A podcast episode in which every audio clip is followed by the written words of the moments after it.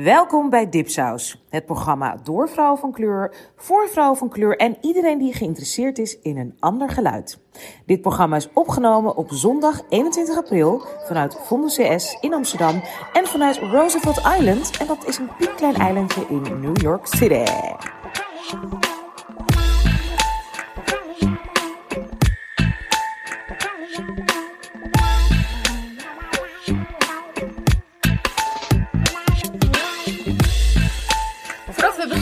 Even onze Noes, alle, alle, allerliefste Noes, feliciteren met de tweejarige anniversary van Hallo Witte Mensen. That was two years ago. Twee? It's two years Het is ago. veel langer. Oh, wow. Ik dacht een Ja, jaar ja. geleden of zo. Nee, het is toch 2017? Ja, 2017 klopt. Ja, 20 april 2017 kwam het boek uit. En het was meteen een bestseller. Yay. Ik was het ook vergeten, het was Ibrahim, shout-out, die, die mij een sms, hij hij stuurde mij een filmpje van de presentatie. Hij zei van, hey, by the way, 20 years ago. I'm like, I mean 20, two years ago. You went fast. Anyway, dat wilde ik even zeggen. Ja, het is nog steeds te koop. Het is nog steeds one of the finest books you should read about racism in the Netherlands. Oké, vergeet je niet te abonneren via dipsaus.org. Daar zie je de relevante links naar iTunes, Spotify, Stitcher en Overcast.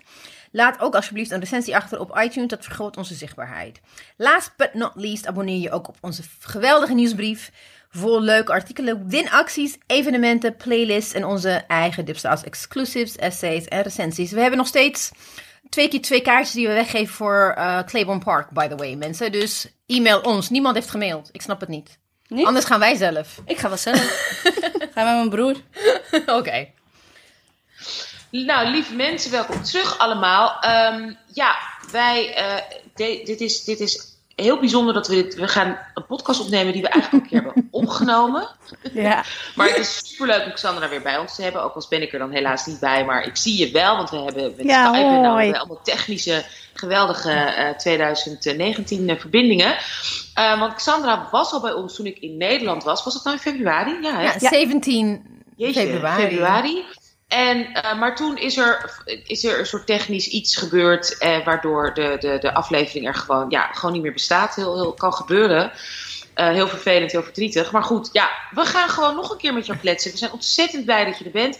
Lieve Xandra Koster, je bent projectleider implementatie van het VN-verdrag Handicap. Oftewel, jij werkt aan de inzet van met name ervaringsdeskundigen bij gemeenten en overheden op het gebied van fysieke beperkingen. Dus je houdt je professioneel bezig met die hè, belangrijke VN-implementatie, die niet overal, of in ieder geval niet altijd even goed wordt gehandhaafd. Ehm, goed, eh, voordat we beginnen met hè, daar uitgebreid over te vertellen, willen we ook even van je weten, in je eigen woorden, zoals we altijd aan onze gasten vragen: wie ben je, wat doe je en waar woont je huis? Ja, nou, ik ben sowieso heel erg blij dat ik hier mag zijn. Eh, ook al is het voor de, misschien zelfs wel omdat het voor de tweede keer is. Ja, ik vind Ja. het echt heel erg te gek. Ik, ehm, nou ja, dat zeiden we de vorige keer ook al, maar ik ben echt fan van jullie eh, vanaf bijna het eerste uur, denk ik. Ja, voor mij ook. Ja, hè? Ja. En, ehm, eh, en dat ik hier nu mag zijn, dat vind ik echt, echt gek. Dus dank jullie wel voor de uitnodiging. Ehm, ik ben Xandra Koster, ik ben 47 jaar. Ik heb drie volwassen kinderen. De oudste twee die wonen op zichzelf en de jongste die woont nog bij mij thuis. Ehm, ik heb een vriend, die woont niet bij mij thuis. Ehm, waar woont mijn huis dan? In Kampen. Even zien, wie ben je? Wat doe je? Wat doe je? Oh, nou, wat doe je? Dat zei jij al. Hè? Ik ben eh, projectleider van het project Niets over ons zonder ons. Dat is de titel van ons project. En dat is ook ehm, de internationale leus voor de gehandicaptenbeweging. Nothing about us without us. Ehm, en ook trouwens is die, eh, die leus ook inmiddels geadopteerd door sekswerkers. Vind ik, eh, Oh, ja, tof hè? Super, ja. Ja. Ehm, en inderdaad, het gaat over inzet ervaringsdeskundigheid bij overheden, maar ook bij eh, bedrijven. En waar het eigenlijk om gaat is dat als een overheid of een bedrijf een product, product verzint of een, ehm, een, eh, een gebied eh, gaat ontwikkelen of een gebouw gaat maken, dat het belangrijk is om eh, te kijken naar mensen met een beperking en met hen samen dat te gaan ontwikkelen.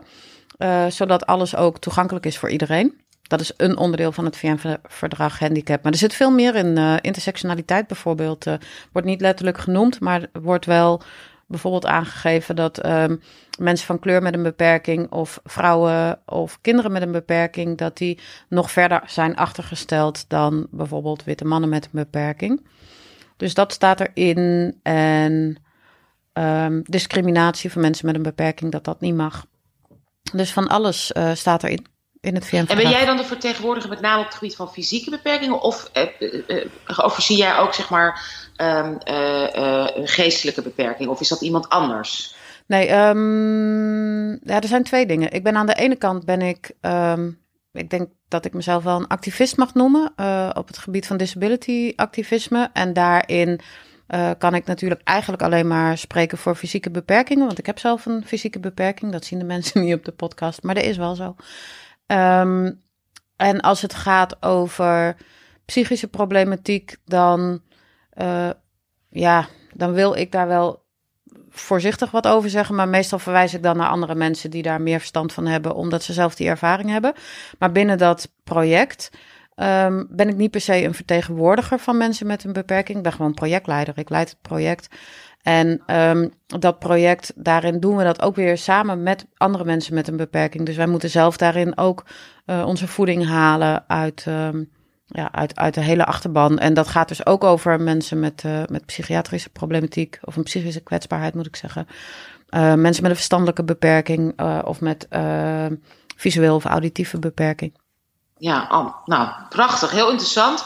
Um, nou ja, goed, je bent er voor de tweede keer inderdaad bij. Het voelt echt al alsof je gewoon, hè, alsof je een van de, de onze vierde dipsaus of vijf of zes Ja, absoluut. Um, Inmiddels. We gaan het uitgebreid er met je over hebben. Um, uh, maar wat ik wel eventjes wil benoemen, is dat jij wel dus, ja, onze eerste, oftewel tweede, maar jij, jij bent onze enige tot nu toe inheemse Nederlander in de podcast. Heb je nog nooit gehad? Ja, ja, ja, ja. Nou ja. Voel je ja. de druk? Voel je de druk? Ik voel de druk. Ik voel ook meteen wel weer dat um, uh, um, uh, activisten, met name in Amerika, disability activisten, die roepen heel erg disability is so white. Dat, dat voel ik ook wel een beetje van uh, als, als, als het, het zou nog veel mooier zijn als er iemand was die van kleur die, um, die hier kon praten over disability. En die zijn er vast. Uh, of die zijn er sowieso, ja, die, die, zijn, zijn er ongetwijfeld. Zeker, ja. um, maar nou ja, dat, die druk voel ik zeg maar ook wel. Dat um, uh, ook in het project dat we moeten zorgen dat we niet heel erg wit zijn met elkaar. Hm. Maar we, hebben dit, we hadden dat druk intern niet toen we, toen we jou wilden we hebben het er wel over gehad. We hebben het wel over ja, gehad, maar het was, het was daarna van ja, maar het is Sandra.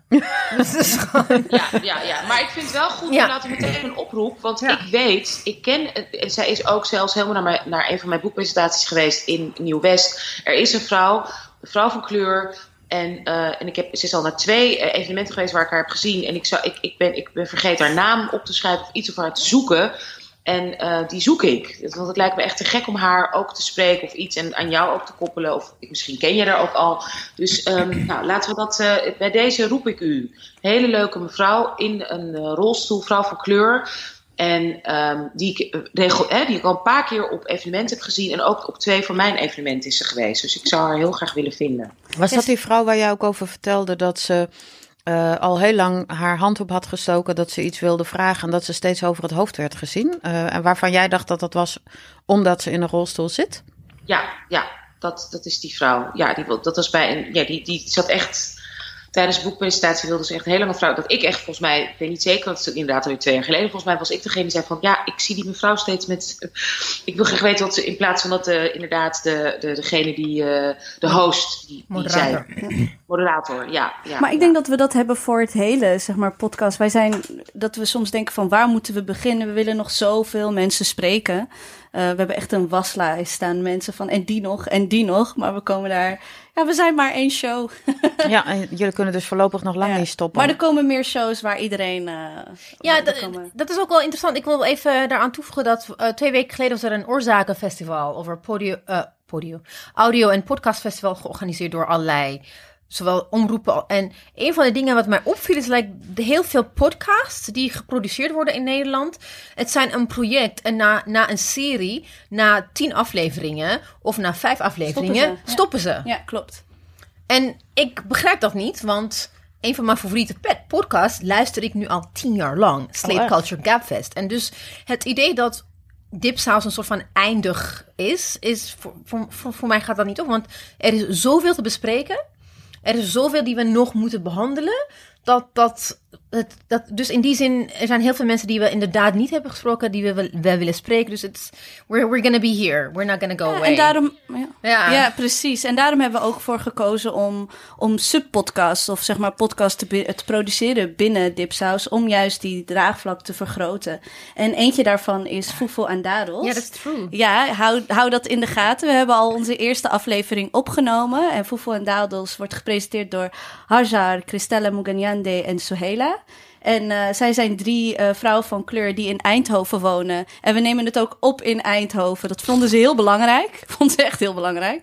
Dat wordt onze eerste eh, podcast productions. Cool. En het zijn ook jonge meiden. Het zijn, het zijn, Ja, ze ze zijn heel jong. Ze zijn jonger dan jij, toch Marjam? Ze Ja, begin klopt. 20. Ja, onwijs. Oh, leuk. Ja, leuk. Ik heb, echt ze, Superleuk. ik heb ze wel gezien. eh, ze zijn ook al actief op Instagram Ja. en Twitter, volgens Ja. mij. Klopt, klopt. Ja. Ja. Ik, ik, heb, ik heb niks geluisterd, dus ik ben echt zo ontzettend benieuwd naar de allereerste aflevering. Want Ja, het, wordt gewoon, het wordt heel anders dan wat, wat wij.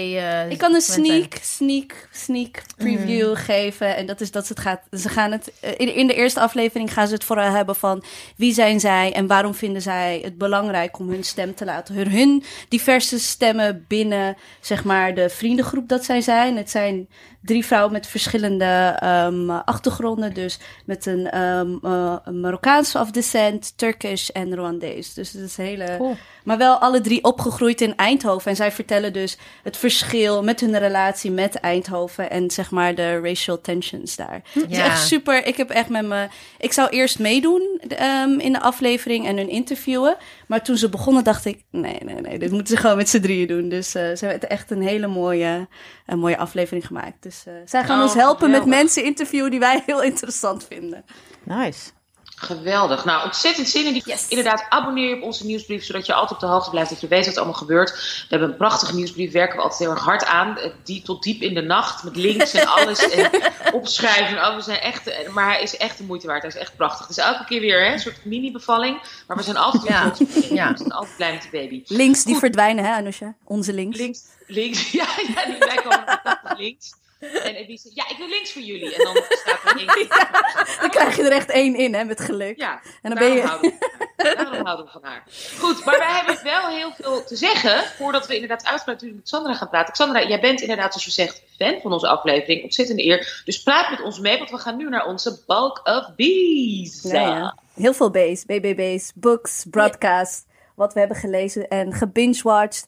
Eh Bezem zat er ook, ik weet niet meer goed The wat dat betekende. Ja, de groom. Oeh, weg, weg ermee. Weg, Weg ermee, ja. En ik had een B, dat was beats voor muziek. Ehm, maar ik heb een... ehm, Oh, mag ik beginnen? Ik neem Nee, gewoon... je mag ik nog niet beginnen, want ik wil e- eigenlijk even, ik wil er toch even bij stilstaan, omdat het gewoon zo'n voor enorm gedoe heeft, eh, gedoe, een, be- een beetje een, een mini Opschudding. dingetje, opschudding heeft gezorgd op Twitter en Instagram. Ik was vorige week, afgelopen woensdag was ik naar Michelle Oh, Obama. ja, ja, ja. In, Neder in de Ziggo Dome. Willen we erover praten? Willen we erbij stilstaan ja, of ja, niet? Ja, ja want... Ja, Ja, toch? Ja, je oppert Want ik ben gegaan eh, omdat ik een gratis kaartje had. Ehm, en dat was redelijk best wel goed kaartje, perskaart geregeld via You Know Who You Are. Ik ga je naam niet noemen. Ehm, het was één grote slick production. Alles was tot op puntjes strak geregisseerd. Zoals je dat zou kunnen verwachten van een Amerikaanse product- production. Maar wat, wat er wel heel grappig was, het heet An Intimate Conversation with Michelle Obama. 17.000 mensen. En wie, wie, wie, wie interviewde haar? Ze heet Isha Sisai, of Sisai. She's a Liberian British journalist. Dus ze heeft ook gewoon niet gekozen voor een Nederlander. Eh, Haar hele, haar hele boektour, ze hebben van tevoren al nagedacht wie haar gaat interviewen waar. Dus ze gaat ook met haar mee naar volgens mij Denemarken en ook naar Parijs. Dus ze- het is iemand die ze kent. Het is gewoon een vriendin van haar. Wordt ingevlogen om haar te interviewen in Nederland. Dat voelt ook een beetje afstandelijk, vind ik. Maar het is gewoon... Ja, maar weet je, ik was al lang, ik was, ik ben al, ik was al lang bang van, oh god, straks wordt het Eva Jinek of zo, Klopt. weet je wel? Nee, ik ook. Wij- Linda. Ja. Nee, dat is wel waar. dus aan- de ene kant is het wel gewoon goed dat... eh at least there was a black woman interviewing her. Because what are the chances? Want normaal gesproken zou dat inderdaad... nee, anyway. Maar... Het is... Ja, het, ik vind het heel... Wat ik eigenlijk gewoon best wel heartbreaking vind. Ik ben 42. Ik eh, ben around the block. En het hele idee van having eh, een voorbeeldfiguur. Men ziet haar als voorbeeldfiguur. En als het nou in de jaren 50 was, 60, oké. maar she's the wife of. En dat is je voorbeeldfiguur. Dat vind ik heel moeilijk in 2019 te, te, to, to, to digest it. Omdat zij, yes, haar verhaal is herkenbaar. Yes, a black woman in een white omgeving. Maar zo zijn er duizenden verhalen, maar ook van vrouwen die... Er zijn wel zwarte vrouwen die ook presi- president zijn geworden van landen. Die prime minister zijn, die wel iets hebben bereikt en niet hun fame te danken hebben aan hun man. Het is gewoon... Ik vond het heel jammer dat dat voor heel veel mensen die ook nog steeds het hoogst haalbare waar je inspiratie uit haalt is, you know, like you're very Maar ja, ik- clean. ja, ik snap. Maar zij is Maar toch is wel ook iets ook meer dat dit wel dan. iets historisch is dat in dat land, hè, de Verenigde Staten, dat, dat, dat er überhaupt een, een, een zwart presidentskoppel is. En eh, dat, zij, dat zij natuurlijk op wereldniveau, kijk, Sirleaf, weet je, van Libe- eh, Liberia, ja. even, weet je, er zijn inderdaad, nou ja, Pakistan, er zijn zoveel landen inderdaad, Ja. hè, India, eh, nou, de, de, de lijst is best lang. ehm, maar zij, dat is het, hè, iedereen roept altijd, niet, daar ben ik niet mee eens, maar the greatest democracy of the world, bla bla bla. Zo'n gigantisch wereldpodium, Ja. weet je. En dat hebben zij wel, heeft zij wel acht jaar ehm, ehm, op een hele, nou ja, je kan alles zeggen, maar wel op een hele chique manier ehm, vervuld. En dus inderdaad veel meer publiciteit, veel meer zichtbaarheid dan, dan bijna welke president, president dan ook. Ja, en is dat is, niet een belangrijk... En plus is ze zo hoog opgeleid en ze had een carrière. Ik bedoel, zoals Nee, nee, maar daarom, natuurlijk en ook dat, dat zijn allemaal wel dingen waar, waar, waar we should admire her. Maar verder dan, the thing is, dat, I mean, het is heel oneerlijk, maar what she does, you know, like Shirley Sandberg, ze had een boek geschreven, Lean In Feminism. Dit is voor mij een versie van het black version, black woman version of Lean In. Want ja, ze is, she came from poor background. Her parents worked their asses off for her and her brothers and sisters, her siblings. Eén broer, één broer, twee kinderen. Eén broer, ja. En um, she made it. She's Harvard, Yale, ik weet niet, een van die Ivy Leagues.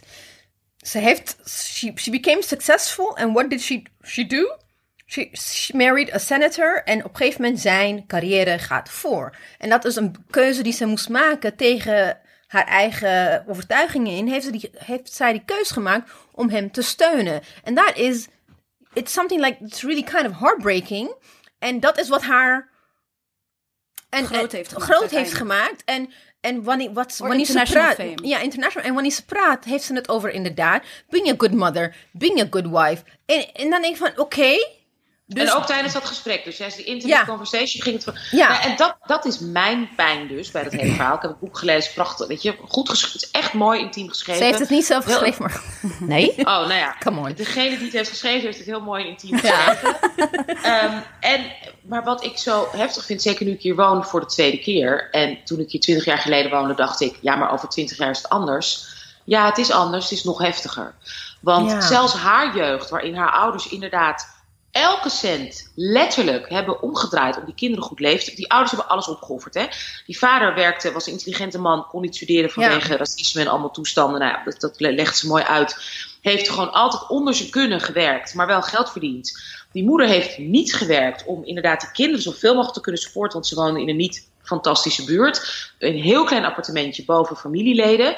Ze hebben nooit groter gewoond om maar geen cent meer te hoeven betalen. Elke cent omgedraaid, nooit op vakantie. Die moeder verfde, die ging eens naar de kapper. Nou, zwarte vrouw in haar. Historisch is een mega ding. Moeder deed alles zelf om maar geen cent uit te geven. Om alles aan die kinderen te kunnen geven. Hè? Want die kinderen waren hartstikke slim, kregen wat beurzen. Maar ja, dat is maar een deelbeurs. Ja, hè? je krijgt bijbetalen.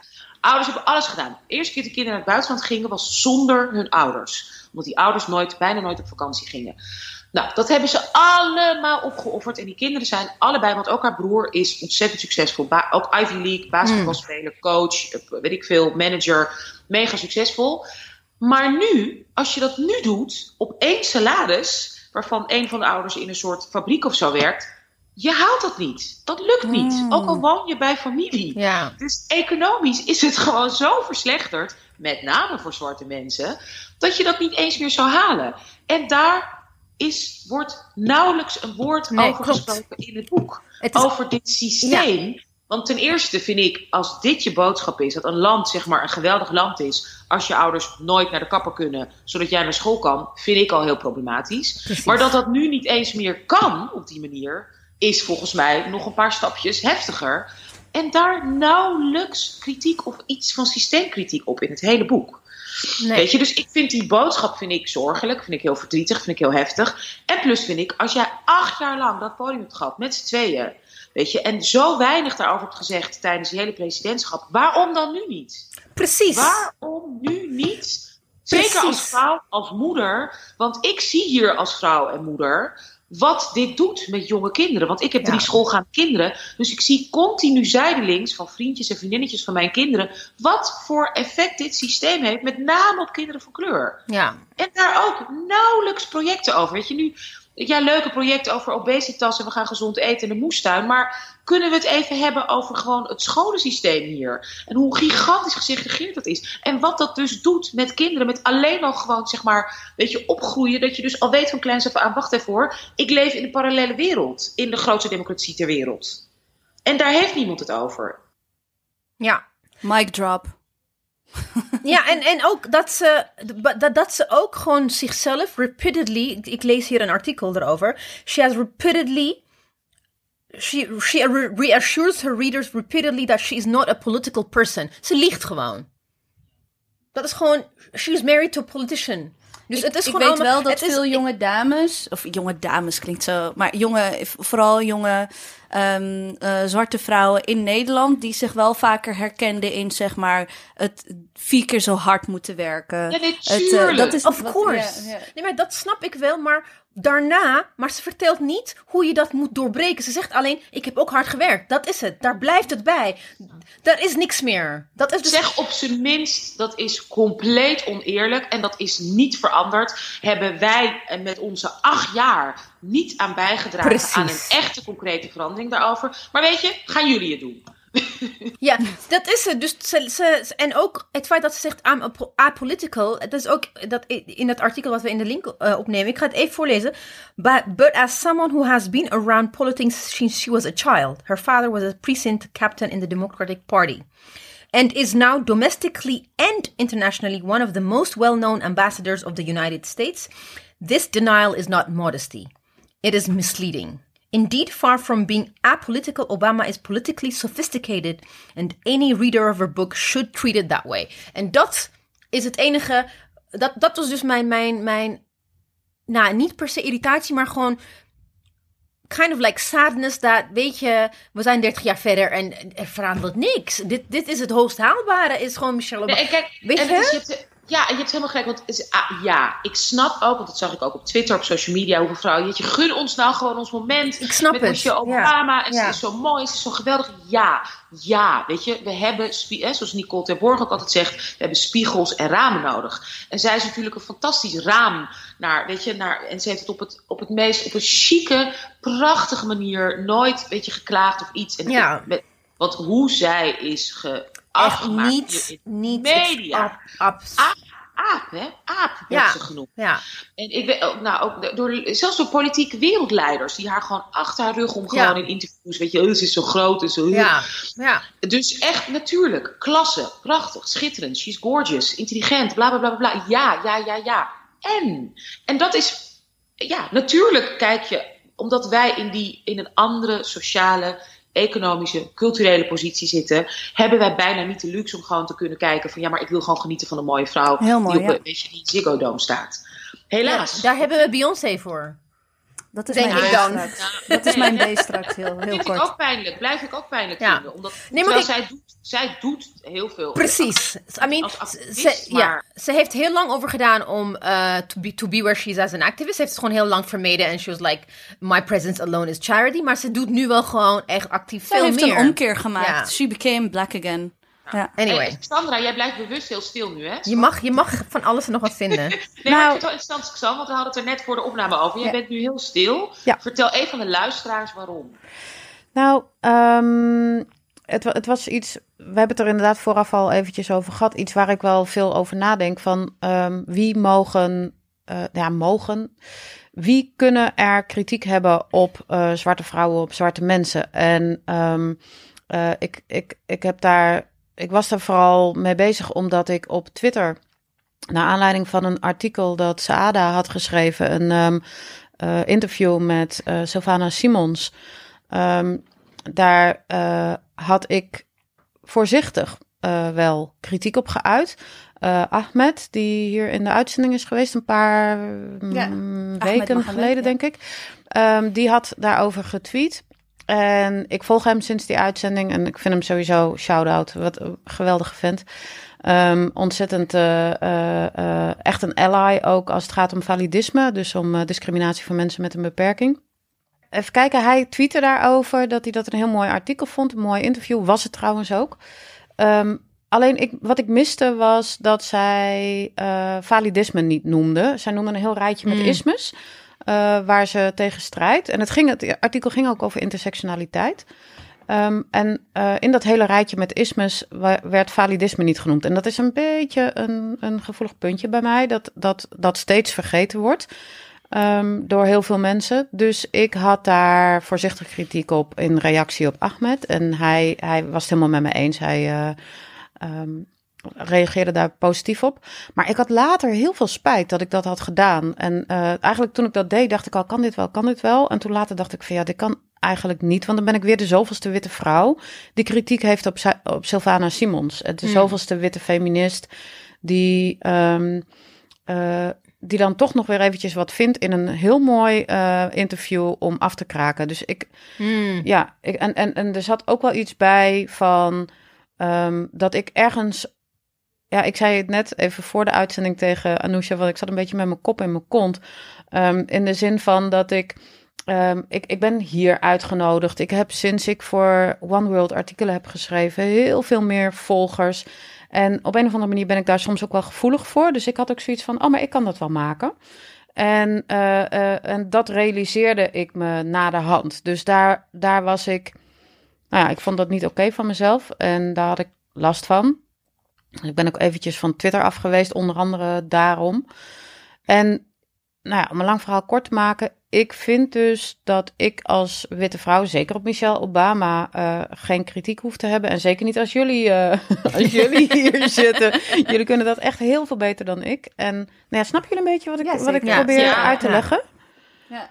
En Ja. ik denk, ook dat veel vrouwen, witte vrouwen die naar ons luisteren, shout-out naar jullie, dat ook wel heel erg zullen herkennen. Ik bedoel, er zijn, er was een tijdje geleden toch, Anousha, dat jij een mail had gelezen over ehm, dat, dat een vrouw vroeg van, ja, hoe kan ik dan beter ehm, kritiek uiten op, op, Hmm. op problematische dingen en hoe doe ik dat? Dus ik denk dat, ehm, ik denk dat dat een hele waardevolle bijdrage is. En ik denk dat luisteraars die nu aan het luisteren is. En ik denk ook dat ehm, ehm, woke mannen dat ook zullen herkennen van hoeveel kritiek mag ik uiten op, op Beyoncé, op zwarte vrouwen die ehm, om zeg maar beroemd zijn of iets, weet je, een muzikant of iets maken. Ik denk Ja, dat dat veel mensen zullen het- herkennen. Ja, ik denk dat ik, ik, vind, ik vind ook eigenlijk zelf van mezelf ook moeilijk in de sense of.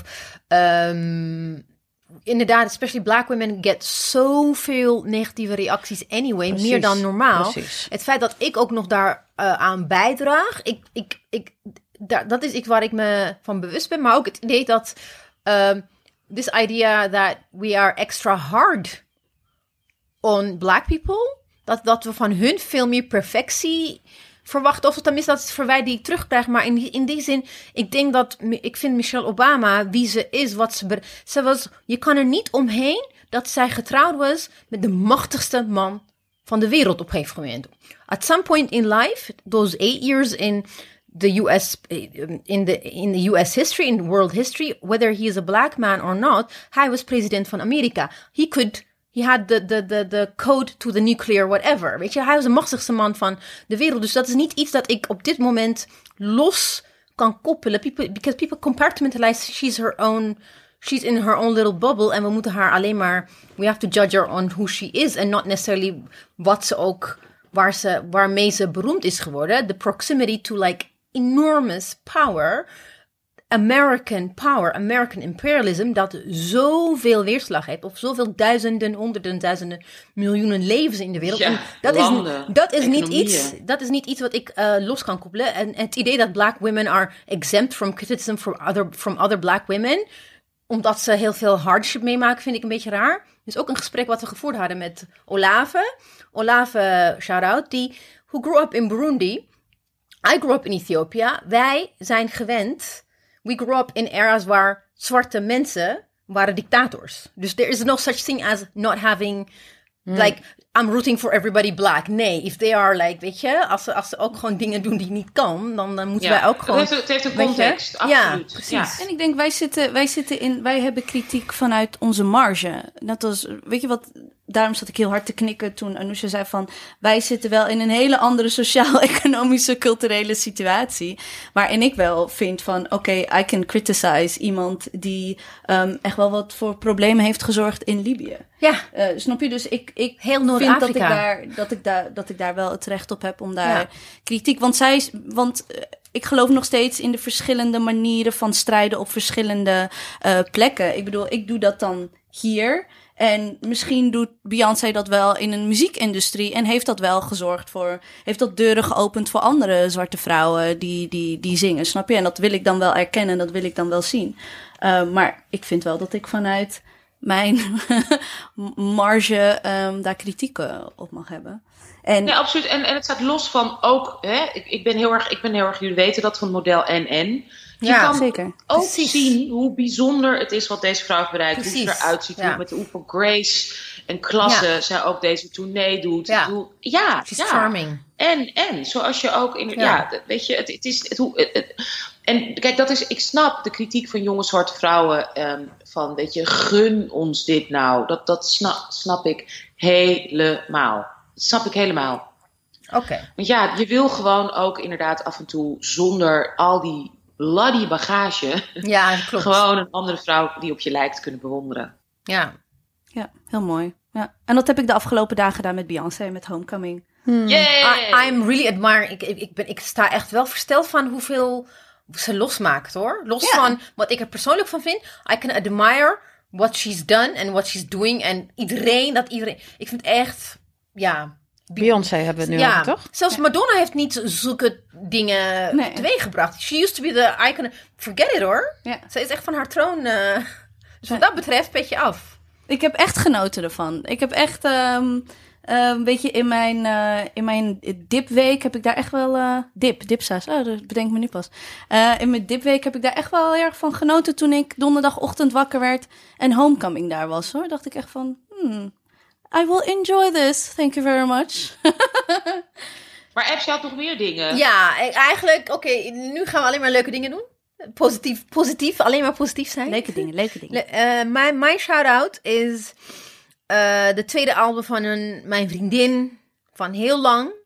Singer-songwriter Rina Mushonga. She's Dutch Zimbabwean. Ze woont in Londen. Eh, ze heeft haar tweede album uitgebracht twee maanden geleden. Het heet A Galaxy. En het is echt... Ja, ik, ja ik, dit is de tweede keer dat ik deze shout-out doe. Maar het is echt zo, zo, zo bijzonder. Ik heb een vrij particuliere smaak als het gaat om muziek. Het is, I'm kind of stuck in like the 90s en early aughts, hip-hop, R&B. En daarna af en toe wijk ik uit naar nieuwe dingen. Maar Drake bijvoorbeeld. nee. Never. Oké, Maar I tried. het is, het is, zij, zij heeft me altijd ook gewoon gedwongen om naar ander soort muziek te luisteren. En, en to, kind of like to expand my horizon. En do- dat doet ze eigenlijk al gewoon 20 jaar. Dus ik wil, de, ik wil gewoon even shout out to Rina Mushonga. En eh, ik wil dat iedereen naar haar ehm, album luisteren, want het is better dan SZA of Solange ja, Spotify, iTunes. Je kan ook gewoon volgens mij de album kopen, maar gewoon alle streaming. ehm, en ook, Rina Musonga. ja, Zet je hem in de show notes? Ja, ik ga het zeker in de show. Het is echt. En, en Narcisio is eentje. En in a Galaxy zijn echt. Ik heb zo vaak over en over en over gespeeld. Dus ik vind het zo bijzonder. Ze heeft ook een prachtige stem. Hmm. I love Het is, you, een, het is echt een vibe. Ja. Het is echt een. eh, een eh, want ook eh, zeg maar de video die ze heeft, is Ja. zeg maar een beetje wandelen door Londen. En dan als je, als je haar muziek op hebt en je bent even aan het fietsen, denk je echt dat je in een urban videoclip zit of zo. Cool. Ja. Klinkt goed, klinkt goed. En die andere was. ehm, die, die, ik ga het nog eens zeg maar. Lorena, Lorena. Van Lorena Bobbitt. Wie is dat?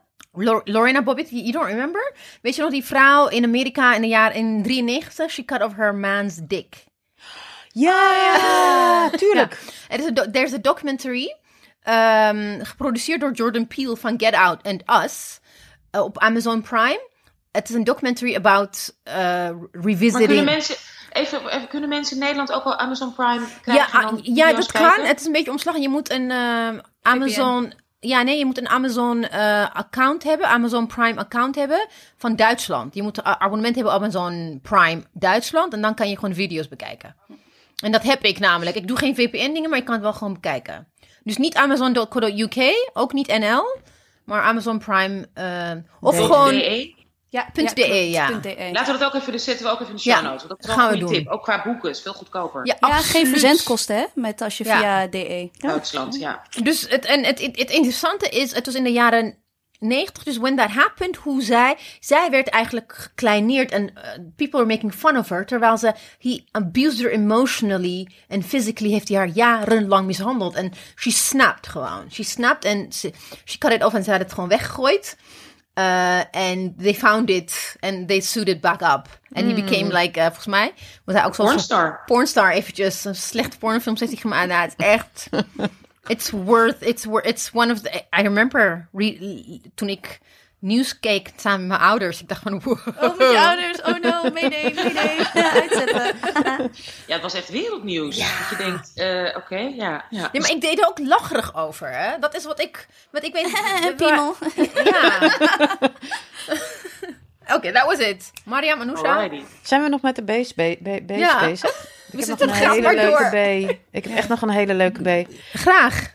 Ik heb een, ehm, ik, wat ik heel interessant vind, er is nu dus een onderzoek uitgekomen ehm, eh, dat, die, dat eindelijk mensen, als je het hebt over bepaalde ismes, ehm, mensen die met, met overgewicht en obesitas, eindelijk, eindelijk, zeg maar, valideert. Omdat wat blijkt er nou? Er is wel degelijk zijn er een aantal flinke genetische componenten die enorm bijdragen aan je gewicht. Er is, zijn twee hele belangrijke componenten gevonden die letterlijk de kans op overgewicht met nou bijna 40 of 60 procent kunnen vergroten. Dus dat zijn mensen die sowieso van kleins af aan meestal al 5, 6 kilo zwaarder zijn, zeg maar, hè, dan, dan een broertje of zusje of dan iemand anders van dezelfde leeftijd, dezelfde lengte, dezelfde zeg maar familie. En als je nog een tweede component erbij, want er zijn ontzettend veel mogelijkheden, hè, natuurlijk genetisch. Maar net als zeg maar het BRCA-gen of zo, hè, voor, voor Ja. borstkanker, wordt die kans dus gewoon een stuk groter. En bij sommige kinderen, bij jonge mensen zelfs echt met 40% of zo. Dus dat je dan hetzelfde eet, maar gewoon echt veel meer aankomt. Ah. En ehm, ik ben zo blij dat dat onderzoek nu eindelijk, waar, waar mensen, waar zeker mensen met overgewicht en mensen die obese zijn, al jaren het, over praten en verstrijden. En die worden gezien als dom. Ik heb er ook een, programma over gemaakt. Hè. Toen ik dus eh, eh, uitgesloten heb ik ook een aflevering gemaakt over mensen, dus inderdaad met overgewicht. Hoe die worden gediscrimineerd en ehm, eh, hoe ze zelf zeg maar gewoon letterlijk, ehm, ja, dus met, met meer voor verzekeringen betalen, veel meer problemen hebben op hun werk. Als ze ziek zijn, dat het veel, meer, veel sneller worden ze opgeschreven, krijgen ze, komen ze in de problemen. Eh, omdat alles dus wordt geassocieerd met luiheid, met Ja. inderdaad met minder intelligentie. En dat het jouw eigen schuld is. Ja, je, elk pondje gaat door het mondje. Ja, En dat is je dus niet zo. Ja. Je ziet het ook vaak bij, ehm, bij mensen met, eh, met een beperking of met een, met een ziekte of met, een, met, met onverklaarbare klachten als die ook dik zijn en die gaan naar de dokter. Dat ze, dat ze dan eerst te horen krijgen van ga maar afvallen. Uh, ook al is die klacht heeft helemaal niets te maken met overgewicht. Ook die kun je helemaal niet linken aan overgewicht. Dan nog wordt er heel vaak gezegd ga eerst Hmm. maar eens afvallen. Ja. Ga eerst afvallen. Ja, ook als een Ja. kind willen krijgen. Of ja, moet je dit wel. Klopt. Nou, en ik ben zo blij dat dat, dat, dat, dat, dat onderzoek nu uit. Er zijn dus twee belangrijke, twee grote gene- eh, eh, genetische componenten die dus daar bijdragen. Je kan er één hebben, je kan er twee hebben. Dus kan je nagaan hoe heftig dat dan voor je is als je er twee hebt. En wat ook blijkt, dus mensen die inderdaad heel makkelijk, hè, die dus altijd dun zijn, van ja, maar eh, die hebben dus ook een soort genetische component. Het blijkt dat die dus een soort ja, genetic altercation hebben die ehm, ehm, jou gewoon letterlijk een andere relatie geeft met voedsel. Waardoor het je dus echt niet op, eh, effect heeft op jou. Ja. Dus dan kan je een hele tafel zien met allemaal vetten en lekkere dingen. En ja, het komt gewoon bij jou niet. anders binnen. Ja. Dus dat zijn die mensen waarvan we zeggen, ja, die kunnen alles eten. Nee, die eten dus gewoon ook veel minder.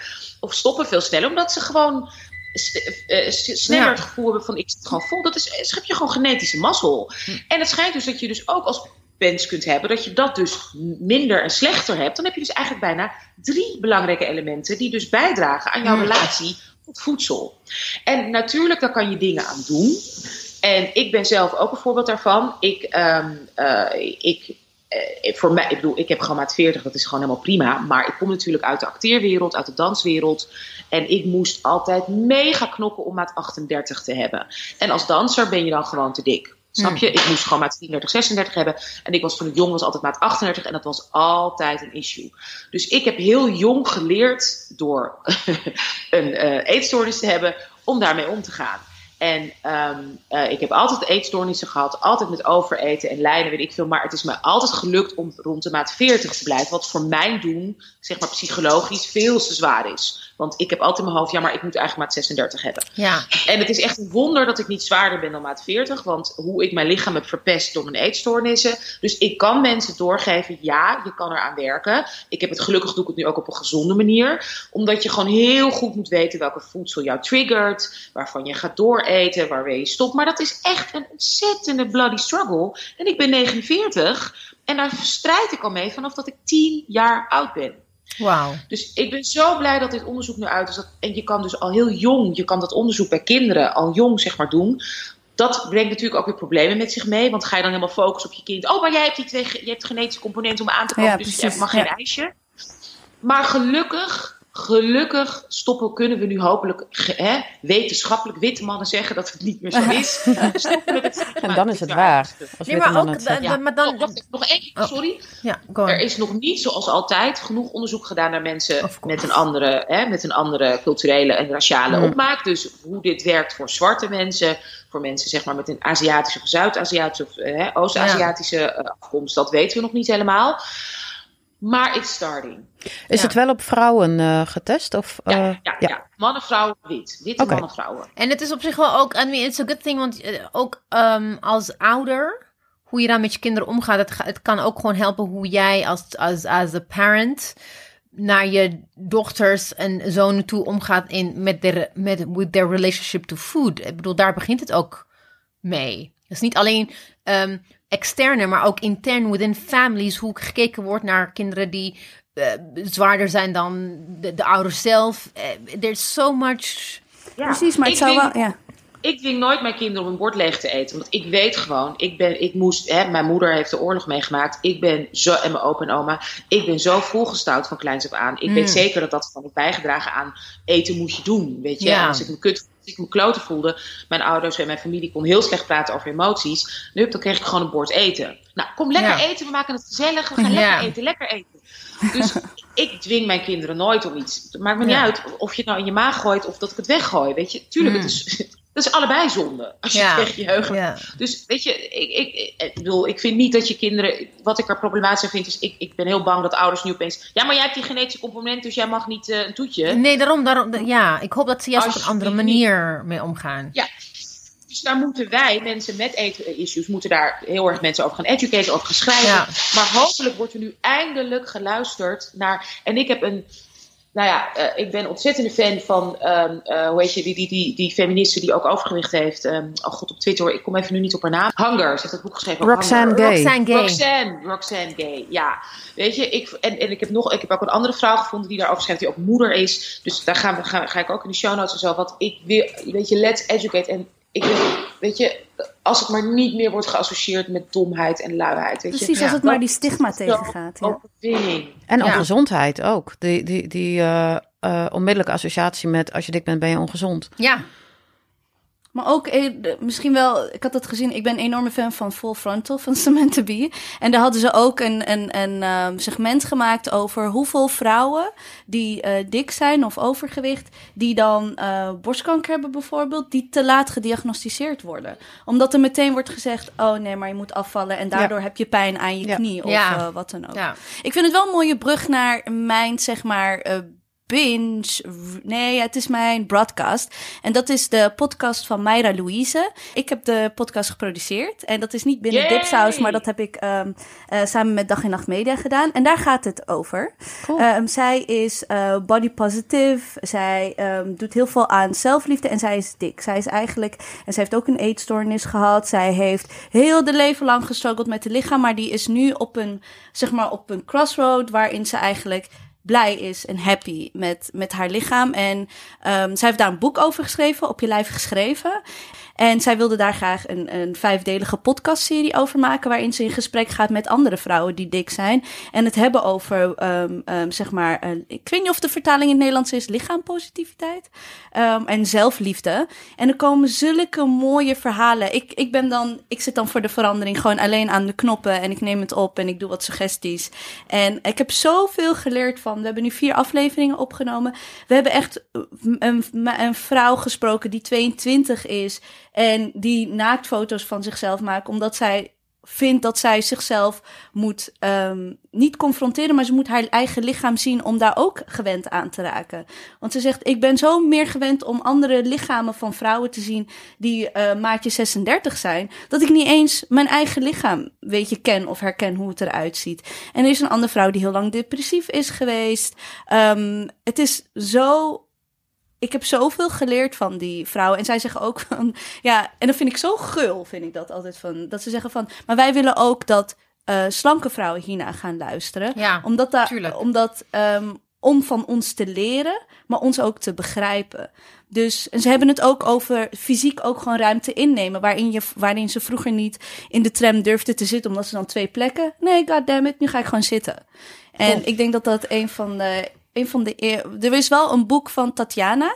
ehm, eh, dat heet eh, Mooi voor een dik meisje. Die, die wordt ook geïnterviewd. Dus die is al uit. En er komt op je lijf geschreven. Dus ook in Nederland begint eindelijk dat gesprek. En de- het culturele aspect daarvan, wat ik ehm, in, in, vooral in de Nederlandse context. Want mijn witte vriendinnetjes, als ze bij mij thuis kwamen, dan zeiden ze: Ja, we kunnen hier gewoon zo lekker eten zonder druk van, van onze ouders. Die zeggen: Moet je nou wel een keertje opscheppen? En wil je dat chipje nog wel pakken? Ja, ik, dat, dat is bij mij. Ik moest dan wel denken aan: Oh, bij mij thuis was dat helemaal geen, geen, geen issue. Hoe dat ook ehm, in, in, op feestjes, of hoe een eh, Lotte, die vertelt daarover dat ze als klein meisje op een, eh, hoe, de, hoe noem je dat, zo'n lo- loopband werd gezet. En dan moest ze maar gewoon daar een uur op zitten, want ja, je, moet, je moet afvallen. Terwijl het gewoon haar bouw is. Dit is gewoon een lichaam dat ze heeft. En ze zegt zo van, ik sport, ik geef dansles, ik spring, ik ben super actief. Ik, Ja. En af en toe, ja, weet je, dan, dan ik heb nu wel, ze heeft, vertelt ze dat ze eindelijk een gezonde relatie heeft met eten. Zegt ze maar, dit is gewoon, dit is gewoon mijn lichaam constant. Nee, Valt het niet is af, komt niet aan. Het is ook best wel kind of shocking how society, een society net zoals Nederland, die, die vindt dat ze dan heel erg vooruitstreven zijn. Hoe ze ook met kinderen die niet aan Ja. de norm voldoen. En I'm talking about the children of the, ons koning. De oudste, hoe heet ze? Amalia. The- The way they used to write about her, they still do. Dat ze gewoon te dik is en dit en dat, mollig. ja, ja. Ze heeft, er zijn erg. zoveel negatieve dingen over hun geschreven toen ze nog klein waren. Dat is gewoon de gewone media. Hè? Het is niet, ik heb het niet alleen maar over trollen op het in- internet, maar de gewoon, they, they, they made fun of them, omdat ze niet in een of andere, ik weet niet eens wat de norm is voor, voor ik vind, koningshuis. wel, ik vind wel voor royalties, vind ik ze wel echt heel, heel, heel slank.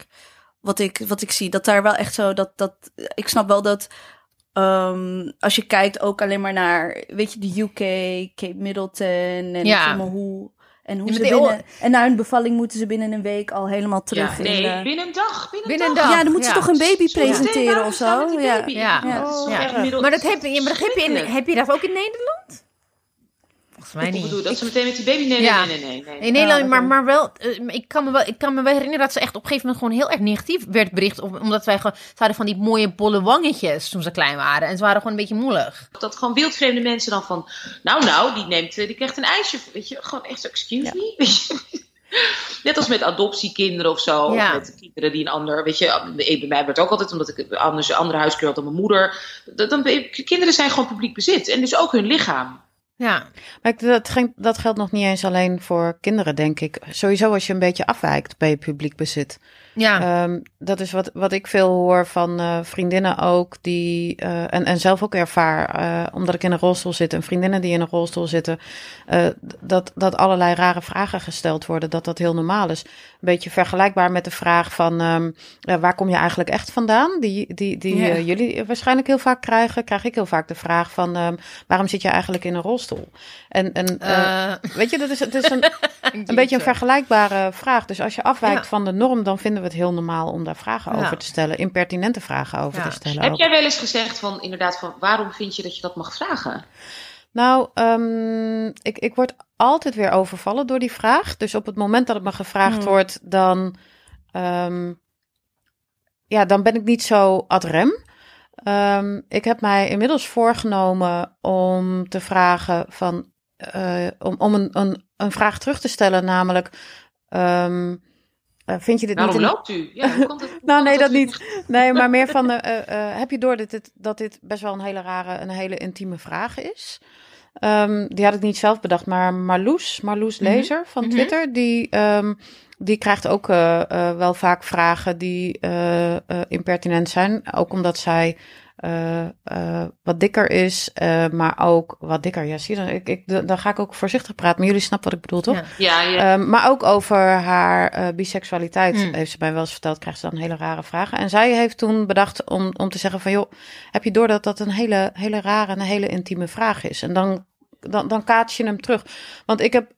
eigenlijk wil ik nooit antwoorden als mensen mij vragen waarom zit jij in een rolstoel en ik ken ze niet hè als ik weet ik veel boodschappen aan het doen ben of zo dan, dan wil ik eigenlijk zeggen van nee eh, dat, ja, voor de lol. Ik ik wat voor kind of question is it? Ja, Ja, het echt, precies. eh, maar, maar mensen worden dan heel erg boos. Want eh, Ja. nou, maar ik, ben, ik, ik, ik, ik ben belangstellend. Je bent En, eh, geïnteresseerd. ja, ik ben gewoon geïnteresseerd. Dus, en, en om dat te voorkomen, ga ik vaak over mijn eigen grens. En ga ik dan toch Ja, vertellen aan wildvreemde mensen waarom ik in een rolstoel zit. Maar je hebt ook een B. Ja, ik heb ook een B.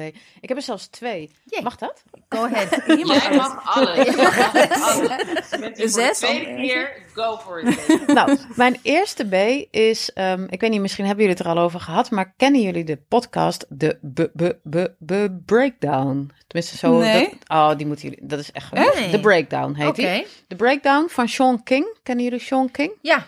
Eh, is een mij wel. Amerikaanse ehm, eh, zwarte man. Ehm, hij heeft veel gedaan voor Black Lives Matter. Ja, Ehm, die, ja, hij is heel licht. Hij- heel ja, Hij is heel licht, ja. Ja. Ehm, eh, hij, is, hij is een hele lichte zwarte man. Ehm, en hij ehm, heeft een Instagram-account wat ongelooflijk veel likes krijgt en ongelooflijk veel bekeken wordt. En hij doet dus ook mensen, eh, bijvoorbeeld als witte mensen. ehm, laatst was er een keer een kindje dat op straat ehm, eh, water verkocht. En toen was er een, een, eh, was een ge- gekleurd kindje. Dan was er een witte mevrouw. Die ging dan de politie bellen. Want eh, dat kindje had geen, eh, had geen Vergunning. vergunning. Oh ja. Ja, echt heel verschrikkelijk. En dan gewoon de- Barbecue Becky, ja. En dan gewoon een politie bellen op een zwart kindje. Ik bedoel, wat ben je denkende? En daar was dan een filmpje van gemaakt. En die plaatst hij dan op zijn Instagram. En dan eh, eh, blaast dat enorm op. Dus daarmee heeft hij ook wel heel veel bereik. En, en, en... Maar goed, lang verhaal kort. Hij heeft nu een podcast sinds een paar weken. Oké. Heet The Breakdown. Eh, het is een hele kort, zijn hele korte afleveringen. Je hoort alleen hem. Het is helemaal gescript. Hij leest dat allemaal voor. Duurt mm, maximaal 20 minuten, zo'n aflevering. En eh, hij legt heel veel dingen uit. Ik denk vooral voor jou, Anousha, eh, omdat het, hij legt heel veel dingen over het eh, Amerikaanse systeem uit. Over ehm, waarom zwarte mensen ehm, veel meer in de gevangenis zitten. ehm, eh, en, en wat je daaraan kunt doen. En dat vind ik het leuke van deze podcast. Hij legt dan het systeem uit, waar het systeem fout is. En vervolgens geeft hij tips van wat kun je daar dan aan doen. Oh, dat je bijvoorbeeld eh, de burgemeester een mail moet sturen. En dat je de burgemeester op Twitter moet. eh, de burgemeester van New York vanwege. Nou, je, ga maar eens luisteren. Het is echt, echt, echt. Ik werd er super enthousiast van. Ehm, dus dat is echt een absolute tip. Ehm, en mijn andere B is een binge-watch. Die heb ik echt letterlijk in één avond gebinge-watched. Vertel. Eh, een, ja, een, ehm, eh, eh, een serie die heet Special.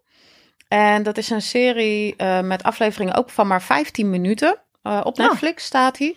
En het gaat over een ehm, eh, man met cerebrale parese. Dat is Mhm. Meestal bij de geboorte, volgens mij, eh, gebeurt er dan iets waardoor hersenen zuurstoftekort krijgen. En het eh, cerebrale parese eh, wordt ook wel hersenverlamming genoemd, hoewel dat volgens mij niet de lading dekt, maar die term is misschien voor mensen bekend. Ehm, hij loopt daardoor wat anders. Hij heeft een, een, een limp, zoals hij dat dan zelf zegt. En ehm, is ook licht spastisch. En hij is gay ook nog. Eh, hij is wel wit, dat dan weer wel. maar Echt een, echt een rekensom. maar, maar wat, wat het mooie is aan deze serie, en ik, ik moest er echt van huilen toen ik hem zag, ehm, is allereerst de man die eh, eh, het speelt, heeft daadwerkelijk cerebrale Ah, parese. dat is het, is, fijn. het is niet Jeetje, dat eindelijk. een Ja. acteur... Oh ja, niet een Oscar, niet weer iemand die een Oscar gaat winnen, omdat hij dat zo goed eh, Nee, nee Ja. hij, heeft, hij heeft dat zelf. Eh, sterker nog, hij heeft de serie eh, geschreven. Het is zijn verhaal. En vanwege het feit dat ze eigenlijk helemaal niet echt heel veel geld hadden om die serie te maken, hebben ze hem dan maar als acteur genomen. Terwijl hij helemaal geen acteur is. zodat ze die, die kosten uitbespaarden. Maar hij doet het gewoon echt supergoed, vind ik. Ehm, en, en, en er zitten ehm, hele mooie. Nou ja, sowieso dat er iemand op tv is die net als ik een beperking heeft, hoewel die niet, helemaal niet op mij lijkt en hij zit helemaal niet in een rolstoel, maar toch die representatie, dat, dat, daar moest ik echt van huilen, Ja. vond ik geweldig. Ehm, en wat ik ook heel gaaf vind bijvoorbeeld is, hij, er zit een scène in waarin hij voor het eerst seks heeft en dan ook gewoon eh, anale gay seks. Eh, dat wordt ook echt laten zien. Volgens mij zie je dat ook niet veel eh, Nee, niet. in series. Maar ook heel positief wordt dat gebracht. Ehm, met een sekswerker. Dus allerlei Ja. taboes en allerlei, ja, en, en, en allerlei ehm, eh, onderdrukkingen en zo. En, en, en dingen waar, waar, Mm. waar vaak moeilijk over wordt gedaan, wordt laten zien. En het is heel grappig. Het is een beetje ehm, in de sfeer van ehm, Please Like Me. Hmm. Kennen jullie die serie? Volgens mij Nee, wel. ik ken het ook ken niet. volgens mij wel. Ik ga, ik ga het allemaal in de show notes tips, opnemen. tips. Ja. Ja. Ja, ehm, maar het is echt, echt, echt een hele mooie serie met een hele mooie representatie van iemand met een beperking, waar ik in ieder geval heel erg gelukkig van werd en wat echt wel heel erg uniek is, want er zijn nauwelijks, nou eigenlijk, dit, Ja. dit was de eerste serie die ik ooit gezien had, waarbij iemand met een beperking in de, in de hoofdrol, die ook daadwerkelijk die beperking heeft. Aanrader. Wauw. Aanrader. Dankjewel. Geweldig, dankjewel. Ehm ja, we hebben eigenlijk al heel veel met jou besproken natuurlijk. Hè? Dat is het fijne van, van, van, van het intro van de BBB's. Dat er eigenlijk al heel veel ehm, eh, al wordt besproken natuurlijk over jou. Over je geweldige werk waar je allemaal voor inzet. Ook als activiste. Nou, we kennen elkaar van Twitter. Ehm, eh, als je het hebt over... Hè, wat we belangrijk vinden om met jou te bespreken... is eh, inderdaad die representatie. Maar ook natuurlijk allyship. Mhm. En hoe we, dat, hoe we dat kunnen doen. En welke woorden we het ook geven. Dus ik vind het echt heel bijzonder dat je dit nog een keer wil uitleggen. Want wij zijn ons ontzettend bewust van, zeker als vrouw van kleur, dat dat energie kost. Hè? Om, om te, te moeten uitleggen, om te leren. Om eh, ja, andere mensen jouw energie, iets waar jij voor hebt, hè, gevochten, wat jij leeft, om dat te delen met anderen. Dus ik wil, willen we je nog een keer vanuit Dipsaus ontzettend voor bedanken. Dat je daar weer, weer op, hè, op jouw zondag de energie Klopt. geeft. Dus dank je wel. Echt Ja. waarderen we heel erg. Dankjewel. Uh, maar laten we daar meteen, laten we daar dan toch meteen in eh, gaan, want we hebben al wat woorden genoemd. En volgens mij hebben, hebben we ook al wat, heb ik al wat fouten eh, ge- ge- gemaakt. Wat, zijn nou, wat is nou belangrijk, zeg maar, nu? Want ik weet, we snappen dat het fluïde is, dat het ook in ontwikkeling is. Wat zijn nu de belangrijke, wat zijn nu de termen die we kunnen gebruiken? Welke woorden kunnen we nu geven? Als je het hebt over handicap, als je het hebt over beperking, als je het hebt over, weet ik veel, heb je het over een challenge of uh, uitdaging? Nee. Nee, dus Nee, vertel. niet over de challenge. Ehm, nou, ja, ik, weet je, ehm, eh, om te beginnen, ik vertel eh, wat ik vind. Dat betekent niet dat alle gehandicapten in Nederland eh, daar net zo over, over denken als dat ik erover denk. Ehm, ik vind in het Nederlands is eigenlijk niet een heel goed woord. In het Engels is het, vind ik, beter. In het Engels zeg je disabled. Ehm, en iemand heeft een impairment, dus dat, dat vertalen Mhm. we dan met beperking. Dat is iets persoonlijks, het hebben van een impairment. Daar word je mee geboren of dat krijg je gedurende je leven. En wat er dan gebeurt is dat eh, omdat de buitenwereld, de maatschappij niet toegankelijk is, is het de maatschappij die jou disabled. Mm. Eh, dat, is, dat is eigenlijk, eh, dat vind ik het mooie van het woord disabled. Ehm, het is dus niet dat je niet able bent, maar dat je disabled wordt. Jullie snappen het verschil, hè? Ehm, En dat Dus kunnen we niet in het. Nederlands zeggen. Nee, eigenlijk niet. Ja, je kunt wel zeggen van eh, je wordt gehandicapt door de maatschappij. En, en, dat, is, dat is ook het VN-verdrag handicap is eh, vertaald in het Nederlands. En eh, daar wordt dan, worden de woorden beperking als iets wat persoonlijk is ehm, gebruikt. En eh, gehandicapt als iets wat de maatschappij dan doet. Hè? Zeg maar de, de, de, de, de, ehm, hoe, hoe jouw beperking en de ontoegankelijkheid van de maatschappij met op elkaar inwerken. Dat noemen we dan gehandicapt. Maar gehandicapt is ook voor veel mensen een negatief woord, omdat het vroeger heeft het iets te maken gehad met eh, dat je tot de bedelstaf behoorde. Mm. Ehm, en eh, ja, er zijn verschillende versies van waar het woord vandaan komt. Maar in elk geval eh, heeft het een hele negatieve connotatie. En toch is het wel het woor- woord dat ik gebruik, omdat er gewoon eigenlijk in het Nederlands niet heel veel beter is.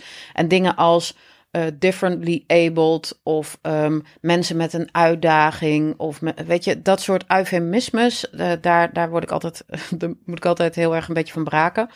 Ehm, Dan zijn we mensen met een etnische uitdaging. nou ja, precies. Nou ja, weet je, die hoef ik niet uit te leggen, toch? Dat is, het, eh, het is Een heel- melanin-uitdaging. Ja, precies. Ja, het, het, het is heel erg. Het, het geeft al wel aan wat dan de norm is. En Ja. jij hebt dan die, die uitdaging.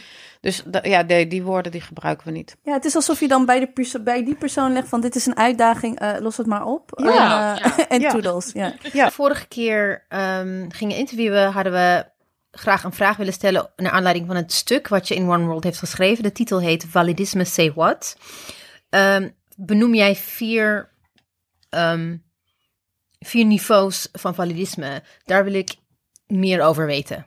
Je bedoelt ehm, in, in dat artikel over Ja. wat is validisme? Ja. Ja, het is eigenlijk eh, eh, hetzelfde Artikel als wat ehm, eh, Philome- Philomena. Asset zei. Hè? Dat, is, ehm, dat is niet iets wat ik bedacht heb. Oké. Dat heeft Yvette den Brok eh, bedacht. Die heeft daar een heel mooi boek over geschreven. Validisme en gender heet het boek.